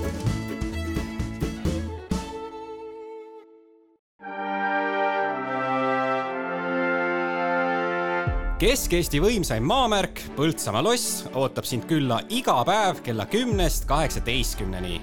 tule uudiste ajalugu Põltsamaa muuseumis, naudi suvejooke Põltsamaa veinikeldris ning külasta käsitöökodasid, näituseid ja kaunist kirikut. sõbrad, Põltsamaa on põnev. vaata lisa poltsamaloss.ee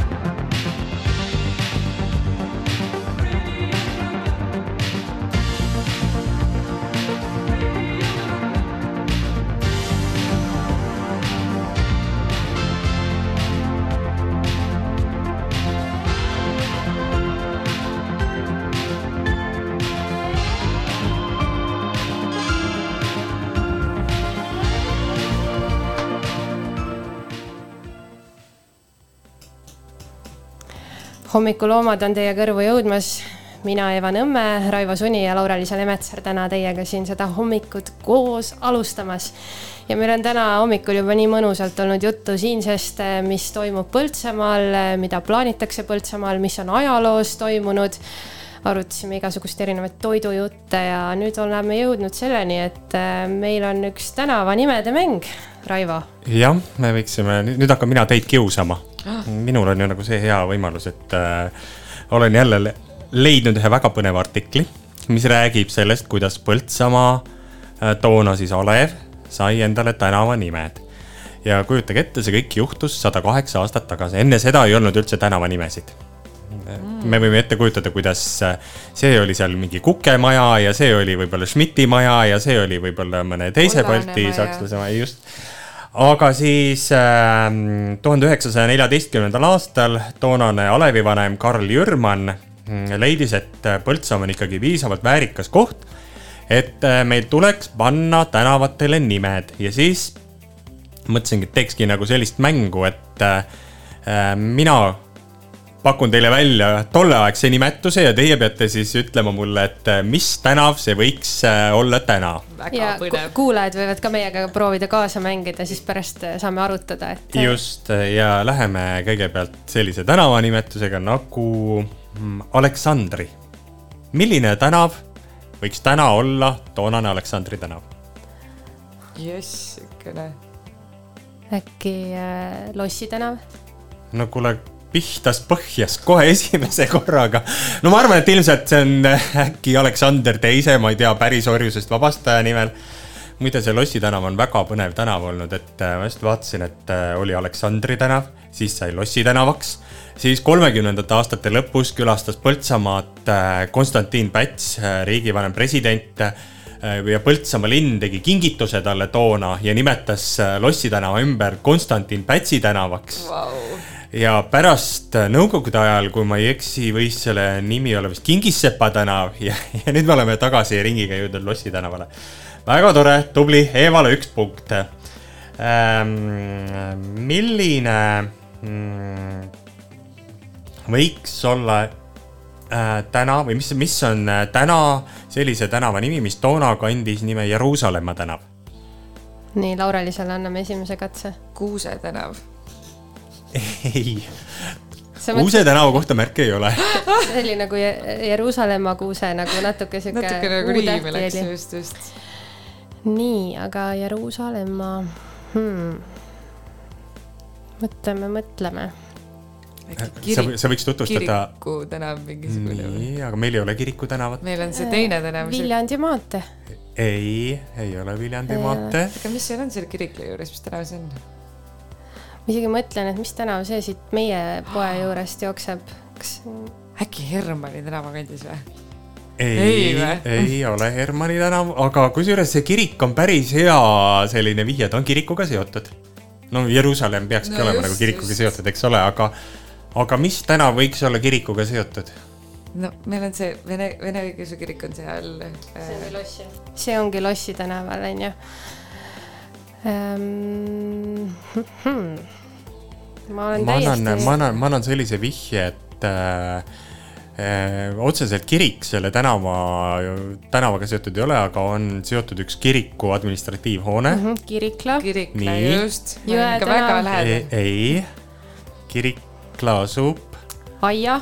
Allika tänaval, Allika tänav, nii et et äh, No. Karl Jürman siis pani sellele nimeks Jeruusalemma tänav. udupeen.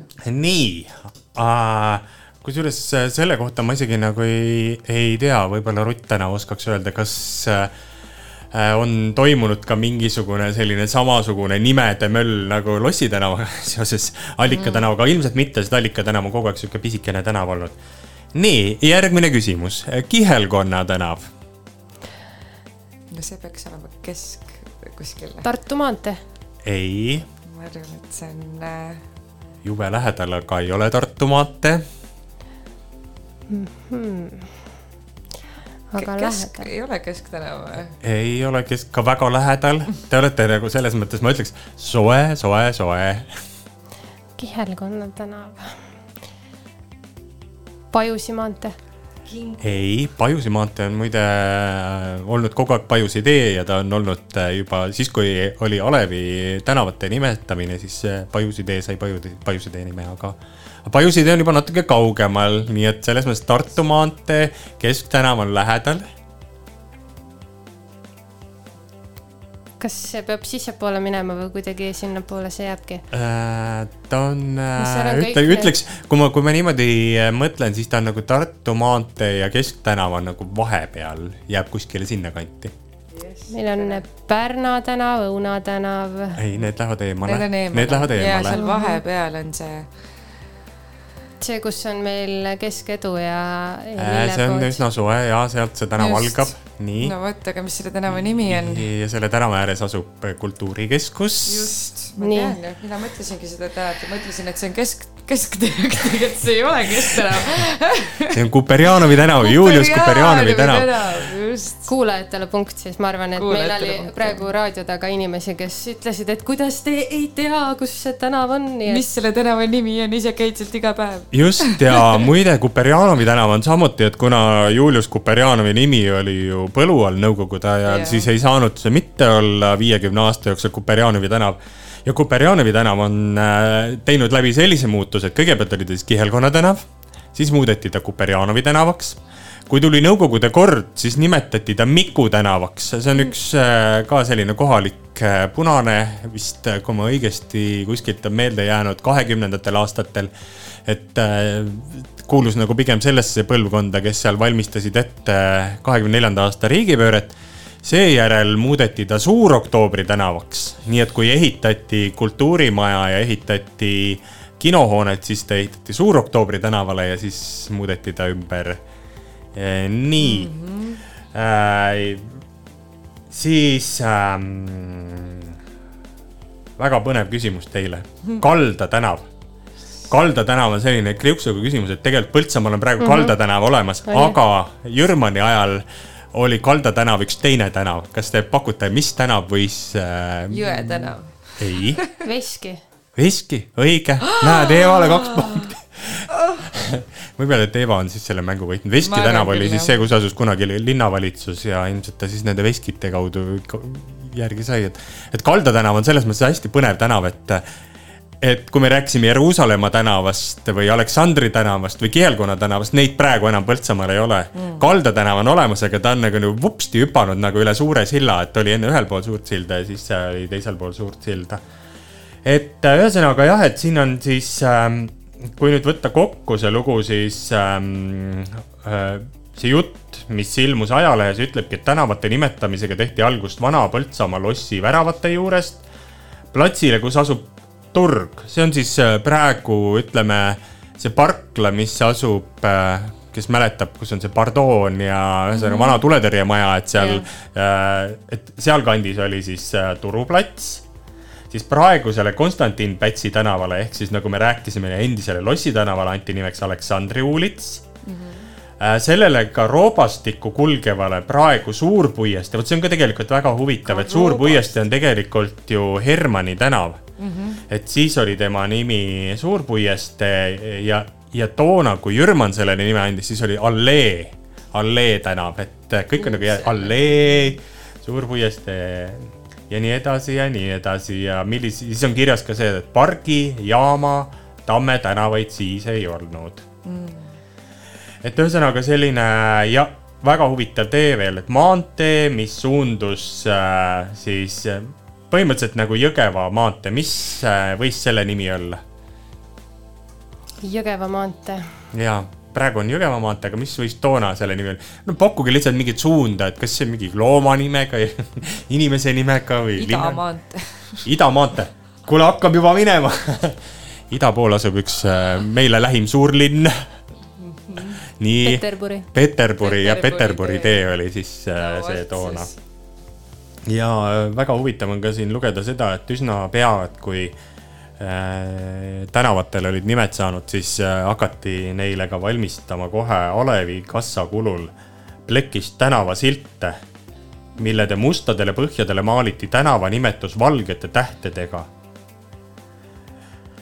ja kuna see lugu ilmus siis äh, nii-öelda tagasivaatena arhiiviloole, siis neljakümnendal aastal tõdetakse, et näib, et aeg ei ole selles suhtes edusamme teinud, vaid äh, vähjakäiku arendanud. praegu puuduvad Põltsamaa linnas paljude tänavate nurkadel nimesildid ja ka kõigil majadel pole numbreid, rääkimata majaomanike nimedest numbrisiltidel millised nõuded täideti veerandsada aastat tagasi, nii et äh, ma ei teagi, mõnel võib-olla väga vanal sildil on isegi näha praegu ka omaniku nime, aga, aga see oli väga äge minu arust, et tänavanimi, number ja siis ja ka omanik, omanik.. see on ikka põnev lugu ja mulle jäi kõrvu see Alevi kassa, et kas nüüd võime selle siis praegusel ajal öelda valla eelarve või? põhimõtteliselt küll jah, nii et Ale-, Alevi kassa. Et Alevi kassast linna eelarvest siis peaks laskma, aga seda tegelikult vist äh, noh, vähemalt kui te vaatate tänava otsad on meil vist päris hästi tähistatud ikkagi. enam-vähem, kui sa sõidad mööda Lossi tänavat, sa tead, kus kohas on Pargi tänav, kus asub, asub Jaama tänav, kus asub Tamme tänav. Et need sildid on nagu olemas aga. vaat kui äge selline turismi võib-olla atraktsioon võiks olla ka see, et, et meie jätkame seda traditsiooni, kus paneme ikkagi nagu perekonnanime ka selle tänava nime ja maja ja maja numbri siis äh, sildi alla on ju, et, et ka tore oleks ju turistidel jalutada ja, ja külastajatel jalutada ringi ja vaadata, kes kus elab. jah, ja arvestades seda, et Põltsamaa on ju selline tore aedlinn, kus on väga palju eramuid Just. Ja ei ole seda, et aga vaata, kuidas sa kortermaja, kortermajale pead panema terve tahvli välja, kes seal elavad, eks ju, ja see on trepikodades on ilmselt olemas ka, aga majadel võiks ju täitsa niimoodi olla. enamik elab Põltsamaast ongi selline tore maja. nii et hülgame selle tohutu anonüümsuse ja siis suvine eh, meisterdamisülesanne, uus eh, maja number koos perekonnanimega. ja, ja me võiksime seda teha niimoodi, kes ägedama majanumbri välja pakub või teeb, et siis me, ma usun, et me leiame ka mingi auhinna, nii et talvel vaatame, palju on siis nii-öelda kui Põltsamaa raadio peaks eetris olema ka talvel, et siis me saame üle vaadata, et kui paljud majad on siis uuesti tähistatud uute ägedate siltidega. No just, kuulge, aga kuulame siis vahepeal laulu ja tervitame selle lauluga Laura-Liisa vanaemat, kelle soovilauluks see oli. ja loomulikult tervitame kõiki Tallinna elanikke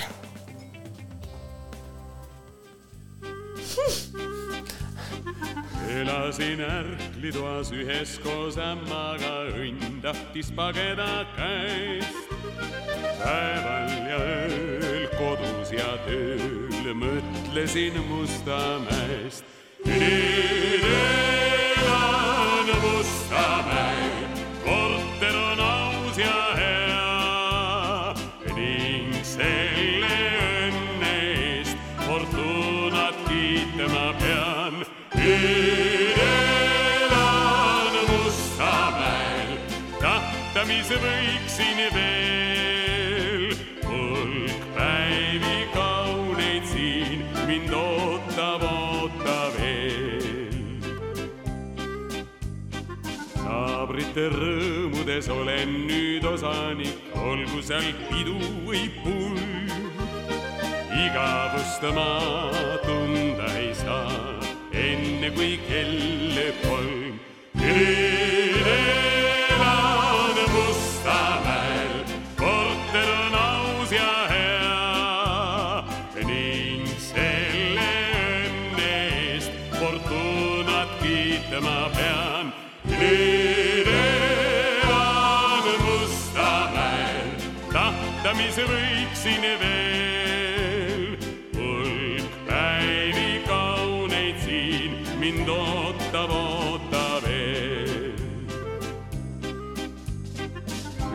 vaid Mustamäe Žiguli kandiga sõpruse sidemed looks, võib-olla nii minagi siis auto veel majja tooks.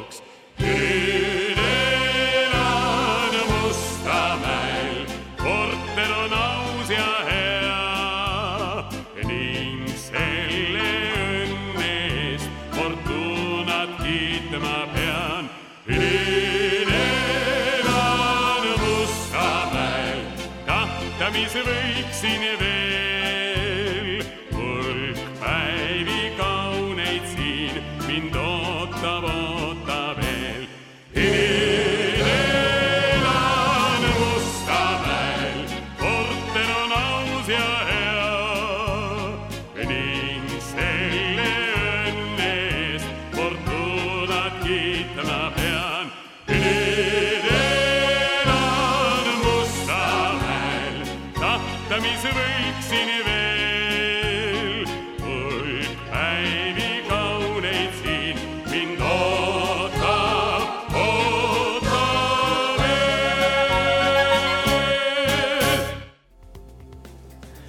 Tere hommikust, hommik, hommikuloomad on eetris, Põltsamaa raadio, kell äh, läheneb juba viimasele hommikuloomade pooltunnile ja siin saates on äh, saatejuhtideks äh, Eva, Laura ja Raivo. ja me oleme kutsunud külla väikeettevõtja või suurettevõtja, ühesõnaga me ei hakka siin nagu hinnanguid andma, väikeettevõtja Toomas Tõntsi, kes võib-olla Põltsamaa inimeste jaoks on kõige rohkem tuntud lihapoe poolest, Jõe lihapoe poolest ja Puhu risti poe poolest tere hommikust, Toomas. tere hommikust, Põltsamaa raadiokuulaja. ma saan aru, Toomas, et sa oled juba pool hommikut tööd teinud usinasti. jah, poole seitsmest väga tubli, väga tubli. mõtlesimegi uurida sinu käest, et kuidas tundub täna väikeettevõtjana Põltsamaal toimetada mm.? Väikeettevõtjana Põltsamaal on üsna tore toimetada. et äh, tuleb leida, tuleb leida oma koht, milleks läheb äh, päris kaua aega. peab olema palju sihikindlust. tuul puhub vastu, ei tohi seisma jääda, alla anda, tuleb edasi minna. ja, ja lõpuks, lõpuks leiab oma koha. kerge ei ole aga, aga kerge on, ongi ainult seal, kus meid ei ole. väga, väga tore selline filosoofiline sissejuhatus. Toomas, Põltsamaa inimese jaoks seostub sinu nimi eeskätt jõe lihapoega. kuidas jõe lihapoel läheb? jõe lihapoel läheb üsna mõnusalt, vaikselt. ei ole sellist tunglemist, nagu oli paarkümmend aastat tagasi, kui ma selle poe tegin. Esimene lihapood eh, Põltsamaal. nüüd on tulnud palju lihamüüjaid. aga, aga õnneks mul on aega olnud öö, oma, oma nissi otsida, oma, oma maitset kujundada. ja, ja ma ikkagi nii palju eristun teistest öö, pakkujatest, et mul kliente on kui sa proovid nüüd äh, selle äh, sõnastada, mis see sinu nišš ja, või, sinu teema on, et äh, Äh, kuna ma olen, nagu alguses sai mainitud, ikkagi väiketootja, siis, siis ma ka oma, oma notsule saan läheneda rohkem individuaalselt.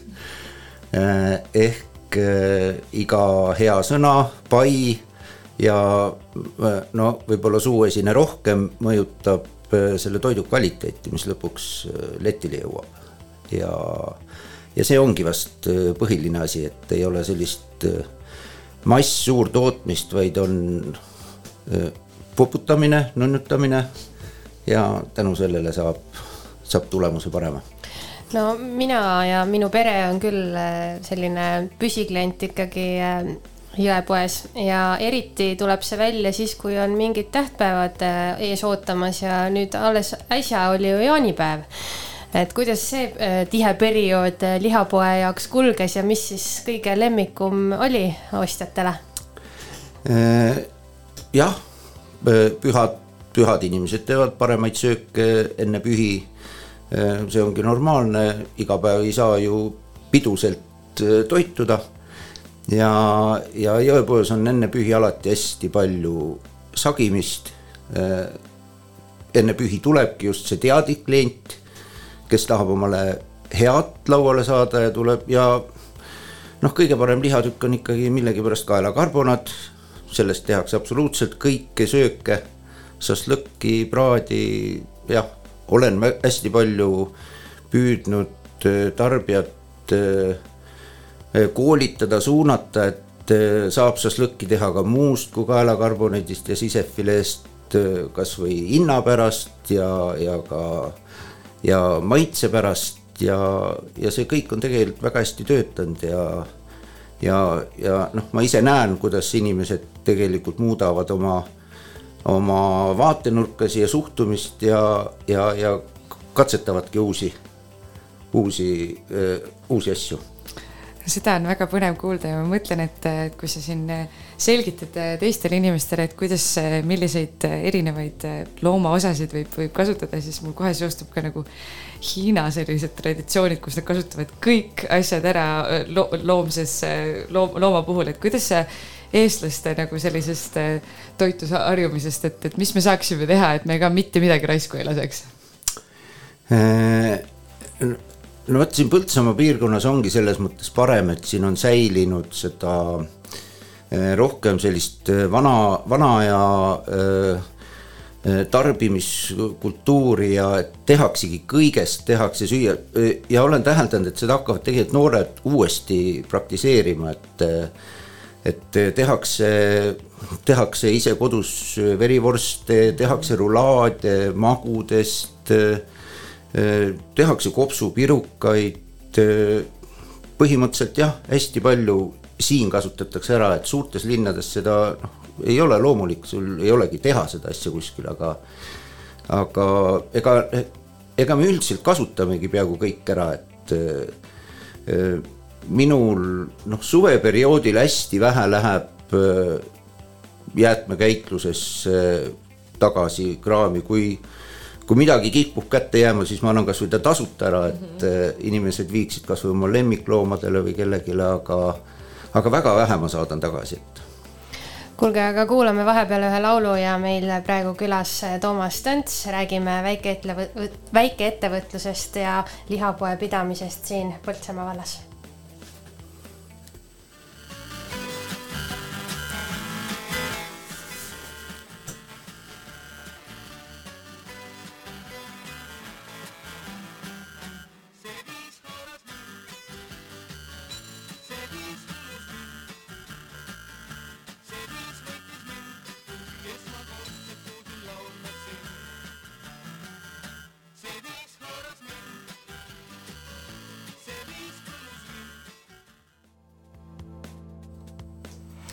nii tundus, et see tore muusikapala meile nii hästi ette ennast ei tahtnudki mängida, kui alguses kavas oli. pigem oli see nii, et Toomase jutt oli nii huvitav, et äh, muusikakanal sundis ennast kohe kinni panema. sekundeerin Raivot praegu aga mis seal siis ikka, arutame edasi, kõik see, mis juba kõlas, oli põnev.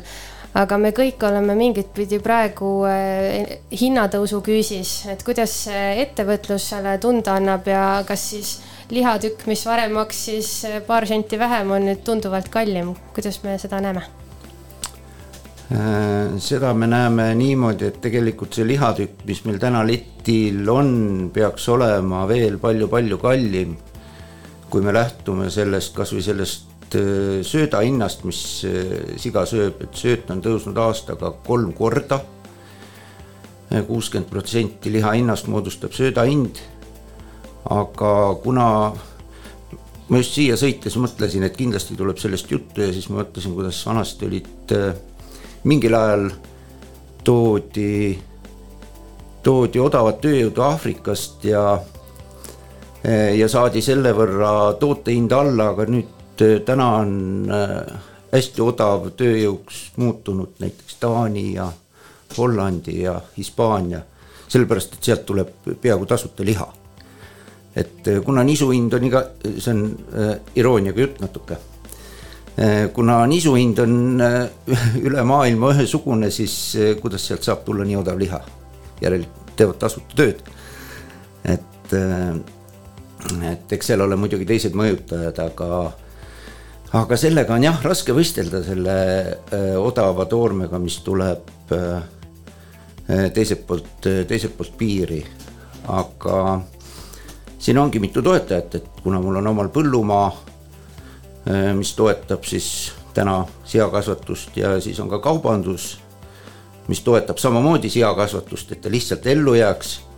sest mingil ajal, nii kui need tõusud-mõõnad käivad, olukord muutub ja, ja siis ma olen, siis ma olen ikkagi olemas, et ma ei äh,, ei saa nii kergekäeliselt lõpetada, et kui, nii kui miinus ette tuleb, et siis ma panen uksed kinni ja ma saan aru, et üks sinu edu saladusi ongi see, et sa oled terve tarneahela välja ehitanud, alates äh, söödast, äh, omad loomad, oma poed, äh, et, et see on aidanud sind? jah, jah, see on, see on üks põhjusi jah, miks ma täna siin räägin, et, et ma ei teeks mingit muud tööd, et jah, see on. ja me siin alguses või ennem, ennem kui siia kohale jõudsid, siis me arutasime ka seda, et kuidas nagu siin siis see väikeettevõtlus no kuidas saaks särada, on ju, et tead, et turg on nagu kesine, nagu ta on, eks ju. et siis sa mainisid ka väga hästi seda brändi väljaehitamist või oma niši leidmist, et. et noh, kui sa vaatad näiteks Tallinnas Balti jaama turul natuke ringi, siis, siis sa näed, et seal on väga nišikad lihatootjad ja nad on ehitanud välja sellise nagu selle brändi endale, et mida nemad toodavad, on ju. et, et ma ise arvan, et siin saaks ka seda nagu väga, see jõe, jõelihapoele ka sellist brändi ehitada, et et, et kas on mingid plaanid äh...? mina ütleksin muidugi äh, fännina, jõepoe fännina, et äh, selle mingit pidi brändi osa on see ajalugu juba ise ka, et äh, on minu vanemad käinud, käin mina seal poes. et te olete ikkagi oma jätkusuutlikkusega siia südametesse murdnud jah, täiendaksin nii palju, et eks bränd kui selline ma olen, äh, mina näen seda kvaliteedina kõige rohkem. et äh, kvaliteet moodustabki selle brändi, et äh, Põltsamaal hakata tegema uhket reklaami ja vilkuvaid tulesi, et see, ma olen seda proovinud, see Põltsamaa inimest nagu rohkem ostma ei pane. et pigem ongi see järjepidevus, kogu aeg kohal olemine ja äh, kaup on kogu aeg olemas, kui inimene tuleb, saab ja kvaliteet peab olema, et see, see on vast meil kõige tähtsam, et äh, äh, Puhuristis jah, seal, seal vilkuvad tuled võib-olla tooksid rohkem rahvast kohale, et kuna möödasõitjad ja aga, mm, aga jah, pigem, pigem kvaliteet ja pidevalt ole, olemas olemine. võib-olla see Jõe lihapoe, noh, mida saaks nagu veel ära teha, ongi võib-olla see teadlikkus ja teadvustamine, et see liha, mida sa ostad sealt poest, see on kasvanud siinsamas, see on nii-öelda kontrollitud, nagu sa ütlesid, silit-, oled seda nutsut silitanud ja nii edasi, nunnutanud jah. Aga äh, ma tahaksin nagu viia selle teema natukene veel edasi siukse suurema pildi peale, et äh, sina, Toomas, oled suhteliselt nagu ikkagi viimane, üks viimaseid mohikaanlasi, kes peab oma väikepoodi siin Põltsamaal, kunagi oli neid nagu rohkem, enne kui suured kaubandusvõrgud äh, tekkisid, et et kuidas see suurkaubanduse tulek siia Põltsamaale on sinu, sinu elu mõjutanud? Äh, ikka mõjutab. iga suure kaupluse avamisega numbrid muutuvad ja aga võib-olla alguses natuke rohkem, pärast avamist, pärast tulevad tagasi, et et see on, annab nagu rohkem enesekindlust, et noh, inimesed on uudishimelikud, lähevad, vaatavad, uudistavad ja tulevad kõpp-kõpp-kõpp tagasi vanade, vanadele radadele jah, ja, ja, ja et noh, suurkaubandus, see on, see on elu, see on konkurents, kõik proovivad.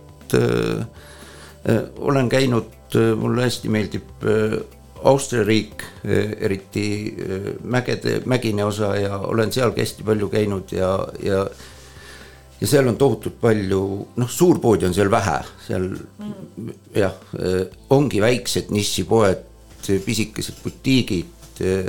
olen sealt saanud hästi palju ideid ja äh, aga, aga eks seda igasugune äh, nišipood on äh, oma kaubaga äh,, seal on kaup kallim, seal ei saa sellist head hinda pakkuda ja, ja see, mida jõu-, jõukam on ostja, seda rohkem on nišipoode.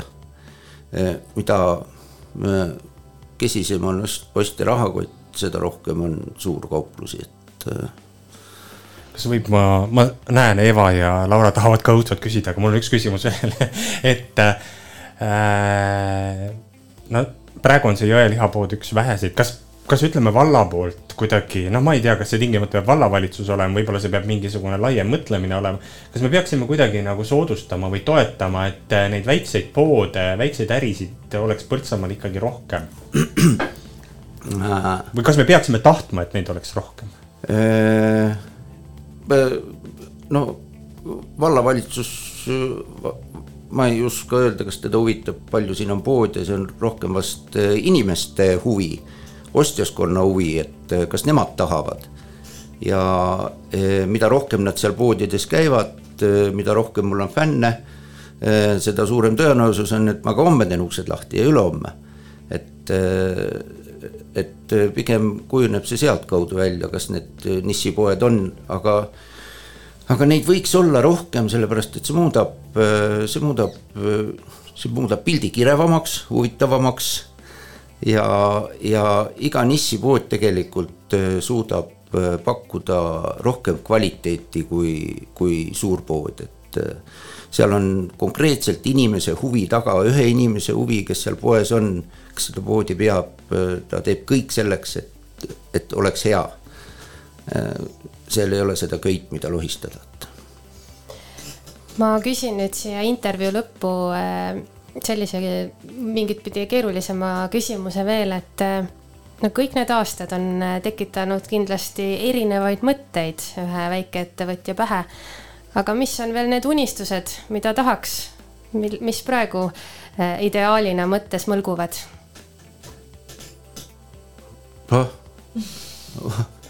Jah äh,, eks ma unistan hästi palju erinevatest asjadest, aga põhi, põhiunistus on ikkagi see, et ma jõuaks, jõuaks vastu pidada igasugustele tagasilöökidele ja, ja suudaks oma mm, praegust välja töötatud süsteemi elus hoida äh, nii kaua, kui mina teda teen aitäh, Toomas Tõnts, et täna hommikul meiega siin veetsid. ja meie intervjuud jääb lõpetama üks tore muusikapala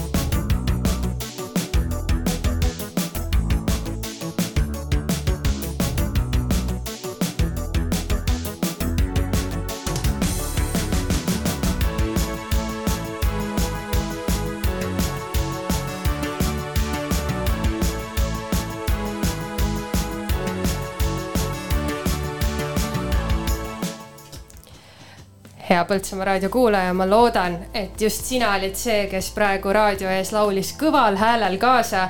tegemist oli siis tuntud lauluga Take on me ja see versioon, mis teile ette täna sai mängitud, oli eh, pandud mängima ilma sõnadeta, nii et igaüks oma kodus sai tantsu keerutada ja kõval häälel kaasa laulda.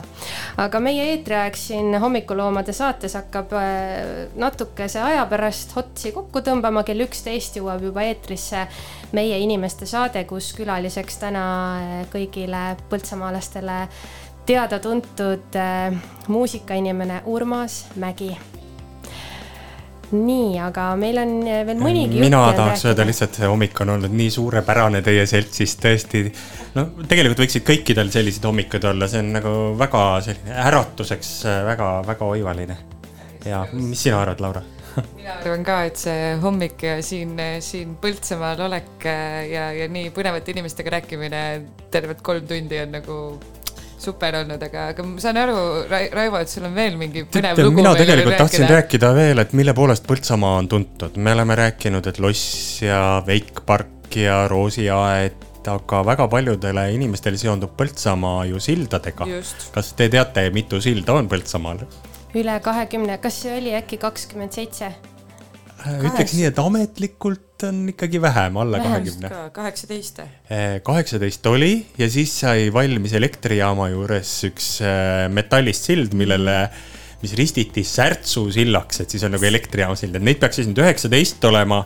aga kuuldavasti on veel mõni selline truubike või kuidas neid nimetatakse, kus vesi alt läbi voolab, mis ei ole ametlikult nii-öelda silla nimetust saanud aga ma leidsin ühe sellise põneva loo üheksakümmend aastat tagasi. vaata, me oleme vähem nagu ajas tagasi, vahepeal me siin tsiteerisime äh, talu või mõni kolhoosnike kirja Stalinile seitsmekümne aasta tagusest ajast ja ja ka üheksakümmend aastat tagasi kirjutas ähm, Sakala äh, sellise loo, et Põltsamaale rajatakse teine jalgsild. nüüd sa kujuta ette, et kui me räägime üheksateistkümnest sillast täna, siis tookord rajati Põltsamaale teine jalgsild. no ma muidugi arvan, et äh, võib-olla need sillad, mis seal äh, vallikraavi ümber on, et need olid ilmselt toona ka olemas ja, ja võib-olla nii mõnigi sild veel, aga, aga jah, et äh, selline lugu, et praegu on Põltsamaa jõel üks ainus alaline jalgsild, kuna teine on ajutine ja võetakse talveks ära ma ei tea, kas teie olete sattunud vaatama vanu fotosid või postkaarte, kus on sellised no väga huvitavad sellised puitsillad rajatud üle jõe ja need ongi sellised ajutised sillad, mis nagu me nüüd teada saime, need koristatakse mm, sügisel ära. aga Ja. kus, kus see, kus see puitsild siis ja see, see uus jalgsild ehitatakse Suursilla kõrvale ühendama Jõgeva maanteed ja Veski tänavat. noh, tead, see on äh, minu jaoks nagu see Lossi tänavaga, ühesõnaga see on. See on see, mis on äh, vahel Roosisaarelt lähed, on ju sinna, sinna mm. Kuperjanovi tänavale ei ole või? Lossi tänavaga, ei, see peaks ikkagi olema nagu ilmselt eh, sellesama suure silla juures, sest siin on kirjas just, et uue silla ehitamine ei lähe kalliks, sellepärast et sillatalasid on võimalik asetada kivisilla jääkaitsjate peale. et see kivisild oli siis see suur sild ja seal kõrval olid jääkaitsjad, ilmselt noh, praegu on ka need mingid jääkaitsjad ja sinna rajati siis teine sild Jah. kõrvale ja uue silla ehitamist Põltsamaal äh, põhjustab asjaolu, et Suursillale pole võimalik ehitada korralikku sõiduteed Kas- muidu, et siis selleks, et saaks suurele sillale sõidutee rajada, siis rajati sinna jääkaitsmetele jalakäijate sild, et mahuks inimesed üle käima. aa, okei, et siis Jaa. suurele sillale külge jalakäijad. põhimõtteliselt külge jah, kui me niimoodi et mitte mõtleme. eraldi sild kuskile nagu lähedale, vaid ikkagi Jah. külge. ma juba, ma juba mõtlesin siin, et kuulajatele anda küsimuseks, et mis sild see võis siis olla, et kes ajaloolane oskaks veel öelda, mis see sild järgmiseks sai valmis, et kas saunasild või või muu, onju.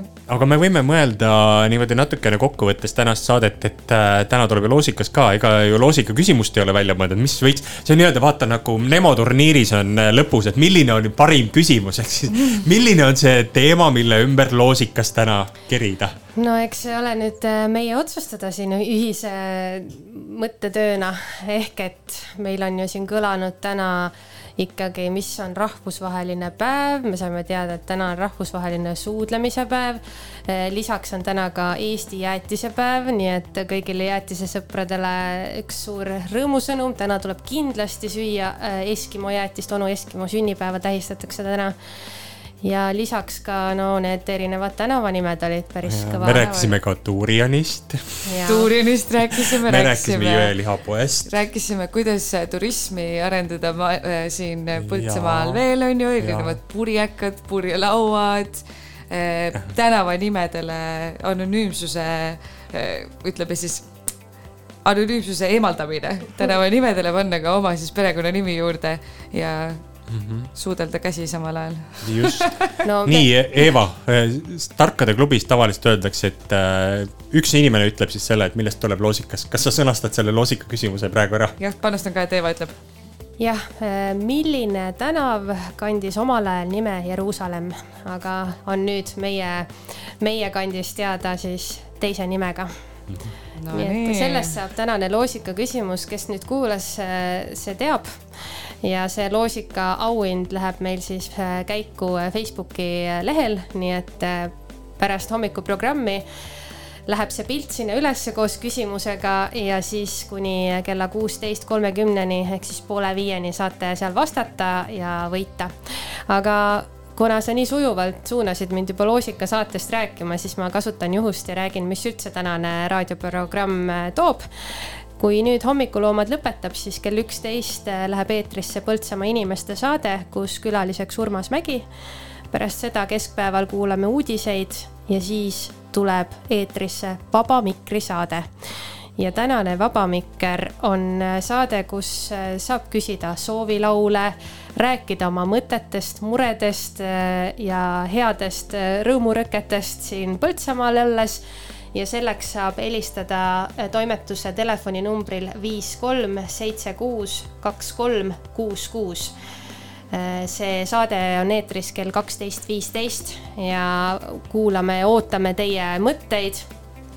Äh, meie toimetuse number on ka meie sotsiaalmeedias ja kordame seda ka saates, aga kell kaksteist viisteist ja telefoninumber viis kolm seitse kuus kaks kolm kuus kuus siis äh, tuleb saade Oma kandi jutud, mm, kus me hakkame arutlema täna Ukraina teemadel ja sellel teemal täpsemalt, et kuidas siis üks äh, uus äh, kogukonna liikmeskond siia meiega on toimetama saanud ja, ja millised mõtted sellega kaasnevad siis vaeva, vaeva pead ja pruugi suud, külas nõid, füüsik ja kirikupapp, teine osa juba sel päeval. ja kella neljast uudised, siis niinimetatud juba välja reklaamitud loosikas ja siis kordussaated ja õhtu lõpetab Pajatuste pada mis on ilmselt kõigi laste lemmiksaade, sest tegu muinasjutusaatega. ja siis lähme muusika peale aga täna meil kuues juuli, kolmapäev, Põltsamaa raadio eetrit jäänud veel kaks päeva. jah, ja ega siin Eeva luges ette äh, saatekava, kõiki neid saateid te saate ju kuulata ka järelkuulamises Põltsamaa raadio veebilehel. ja seal on väga toredaid saateid ka eelmistest päevadest ja eelmistest hooaegadest. nõus ja ma, mina tahaks väga tänada oma toredaid äh, kaassaatejuhte täna, et äh, mind, äh, minuga siin, mina siia sain tulla ja teiega rääkida ja ka, ka Põltsamaa, Põltsamaa raadiost osa olla, et üks vägev-vägev projekt. kõigile Põltsamaa raadio inimestele palju-palju edu ja, ja, ja tänud, suured tänud, et selline, selline lahe asi minu kodulinnas saab toimuma ja aitäh mina, aitäh, aitäh ja mina tänan ka teid väga-väga meeleolukas ja tore hommik oli ja ma tänan, Eeva, et sa pakkusid mulle võimaluse taas käia läbi Põltsamaa raadio hommikuprogrammist. just. ja nagu me oleme öelnud ka oma raadio siukse hüüdlausena või, või sloganina, siis meie inimesed, meie lood tänane hommik seda hästi näitas, et saime arutada siin toimuvast, kaugemal olemisest ja samas ka vestelda meie oma kandi toredate ja tublide inimestega. Laura-Liisa, sul oli üks asi veel, mida panna siis kõigile hingele, kes siis tänasel, kuuendal juulil oma päeva on alustanud, mida siis täna kindlasti tuleks teha?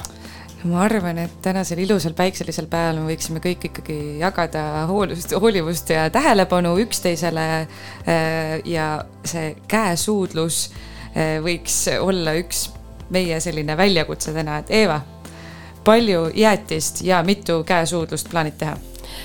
No mina ikkagi kindlasti olen kõva jäätisesõber, aga need suudluse arvud ma jätaks küll nüüd saladuseks.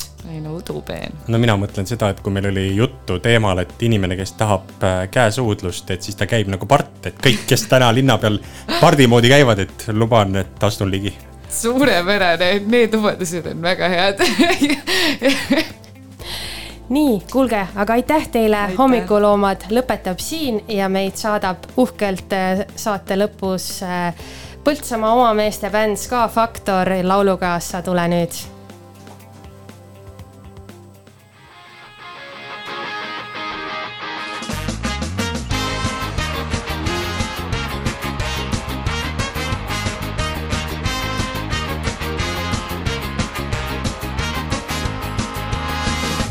tule nüüd käega kõige lööv, mis sind kinni peab, hoiab sind kaugel, vaatan siin ongi paradiis, millest oled sa, unistad kaua, näed nüüd, et keegi meid saa segada,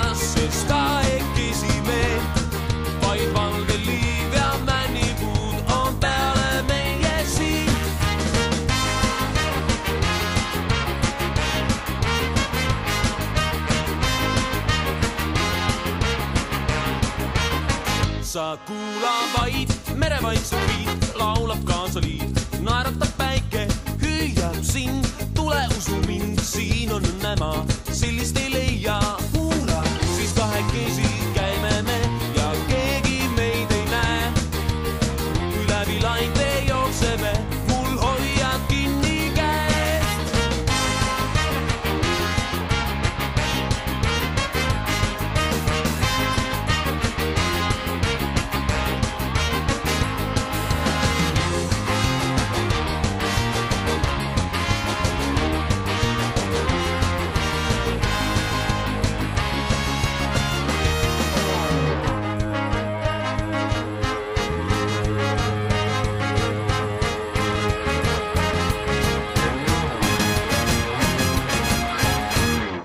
tule nüüd käega kõige löö, mis sind kinni peab, hoiab sind kaugel, vaatan siin ongi paradiis, millest oled sa, unistan kaua sa, kuulan vaid, mere vaikselt viib, laulab kaasa liiv, naeratab päike, hüüad sind, tule usu mind, siin on õnnemaa, sellist ei leia, kuula siis kahekesi